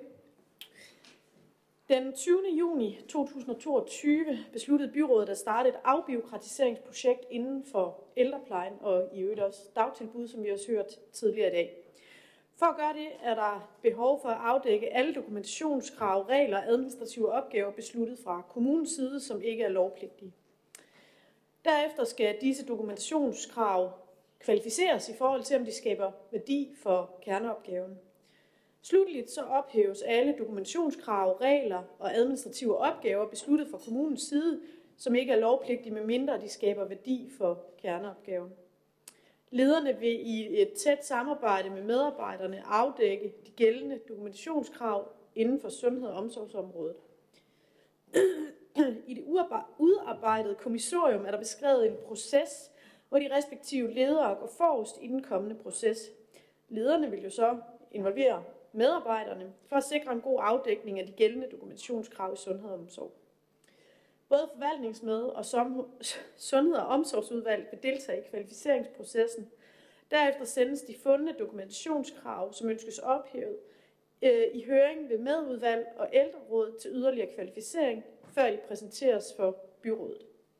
Med denne sag indstiller Sundhed- og Omsorgsudvalget og Økonomiudvalget til byrådet, at det udarbejdede kommissorium, herunder også procesplan for afbiokratisering af ældreplejen, godkendes. Ligeledes godkendes det at ophøre af de ikke lovbestemte dokumentationskrav, der ikke bidrager til kerneopgaven, træder i kraft per 1. november 2023, når ovennævnte proces er gennemført, og byrådet har godkendt de foreslåede ophævelser, samt besluttet, hvilke krav, der skal bibeholdes. Tak for ordet. Tak for det. Det er der ikke... Jo, det var det så med Karin Svarts. Har bemærket til det. Værsgo. Jeg prøver lige igen. Lige et øjeblik. Jeg skal lige se, om jeg kan få tændt for mikrofonen her.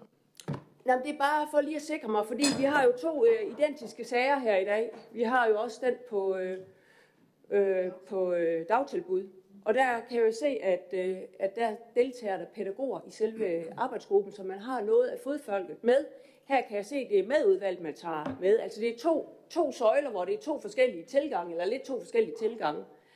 Ikke man behøver at, øh, at ret ligne det, men, men, øh, men jeg kunne jo godt tænke mig, at vi skal på en eller anden måde sikre, ikke bare høre, men også sikre, at de faktisk har en fod inden for dem, der er på gulvet, når vi skal finde øh, de her steder, hvor der kan spares på dokumentationen.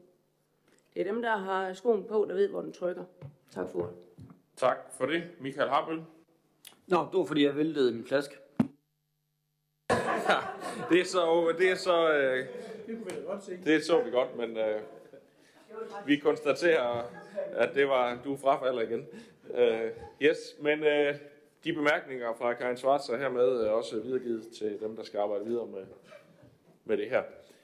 Vi øh, kan godkende sagen her, og øh, det var dermed afslutningen på den åbne del af mødet, så tak fordi I kom, eller kiggede med.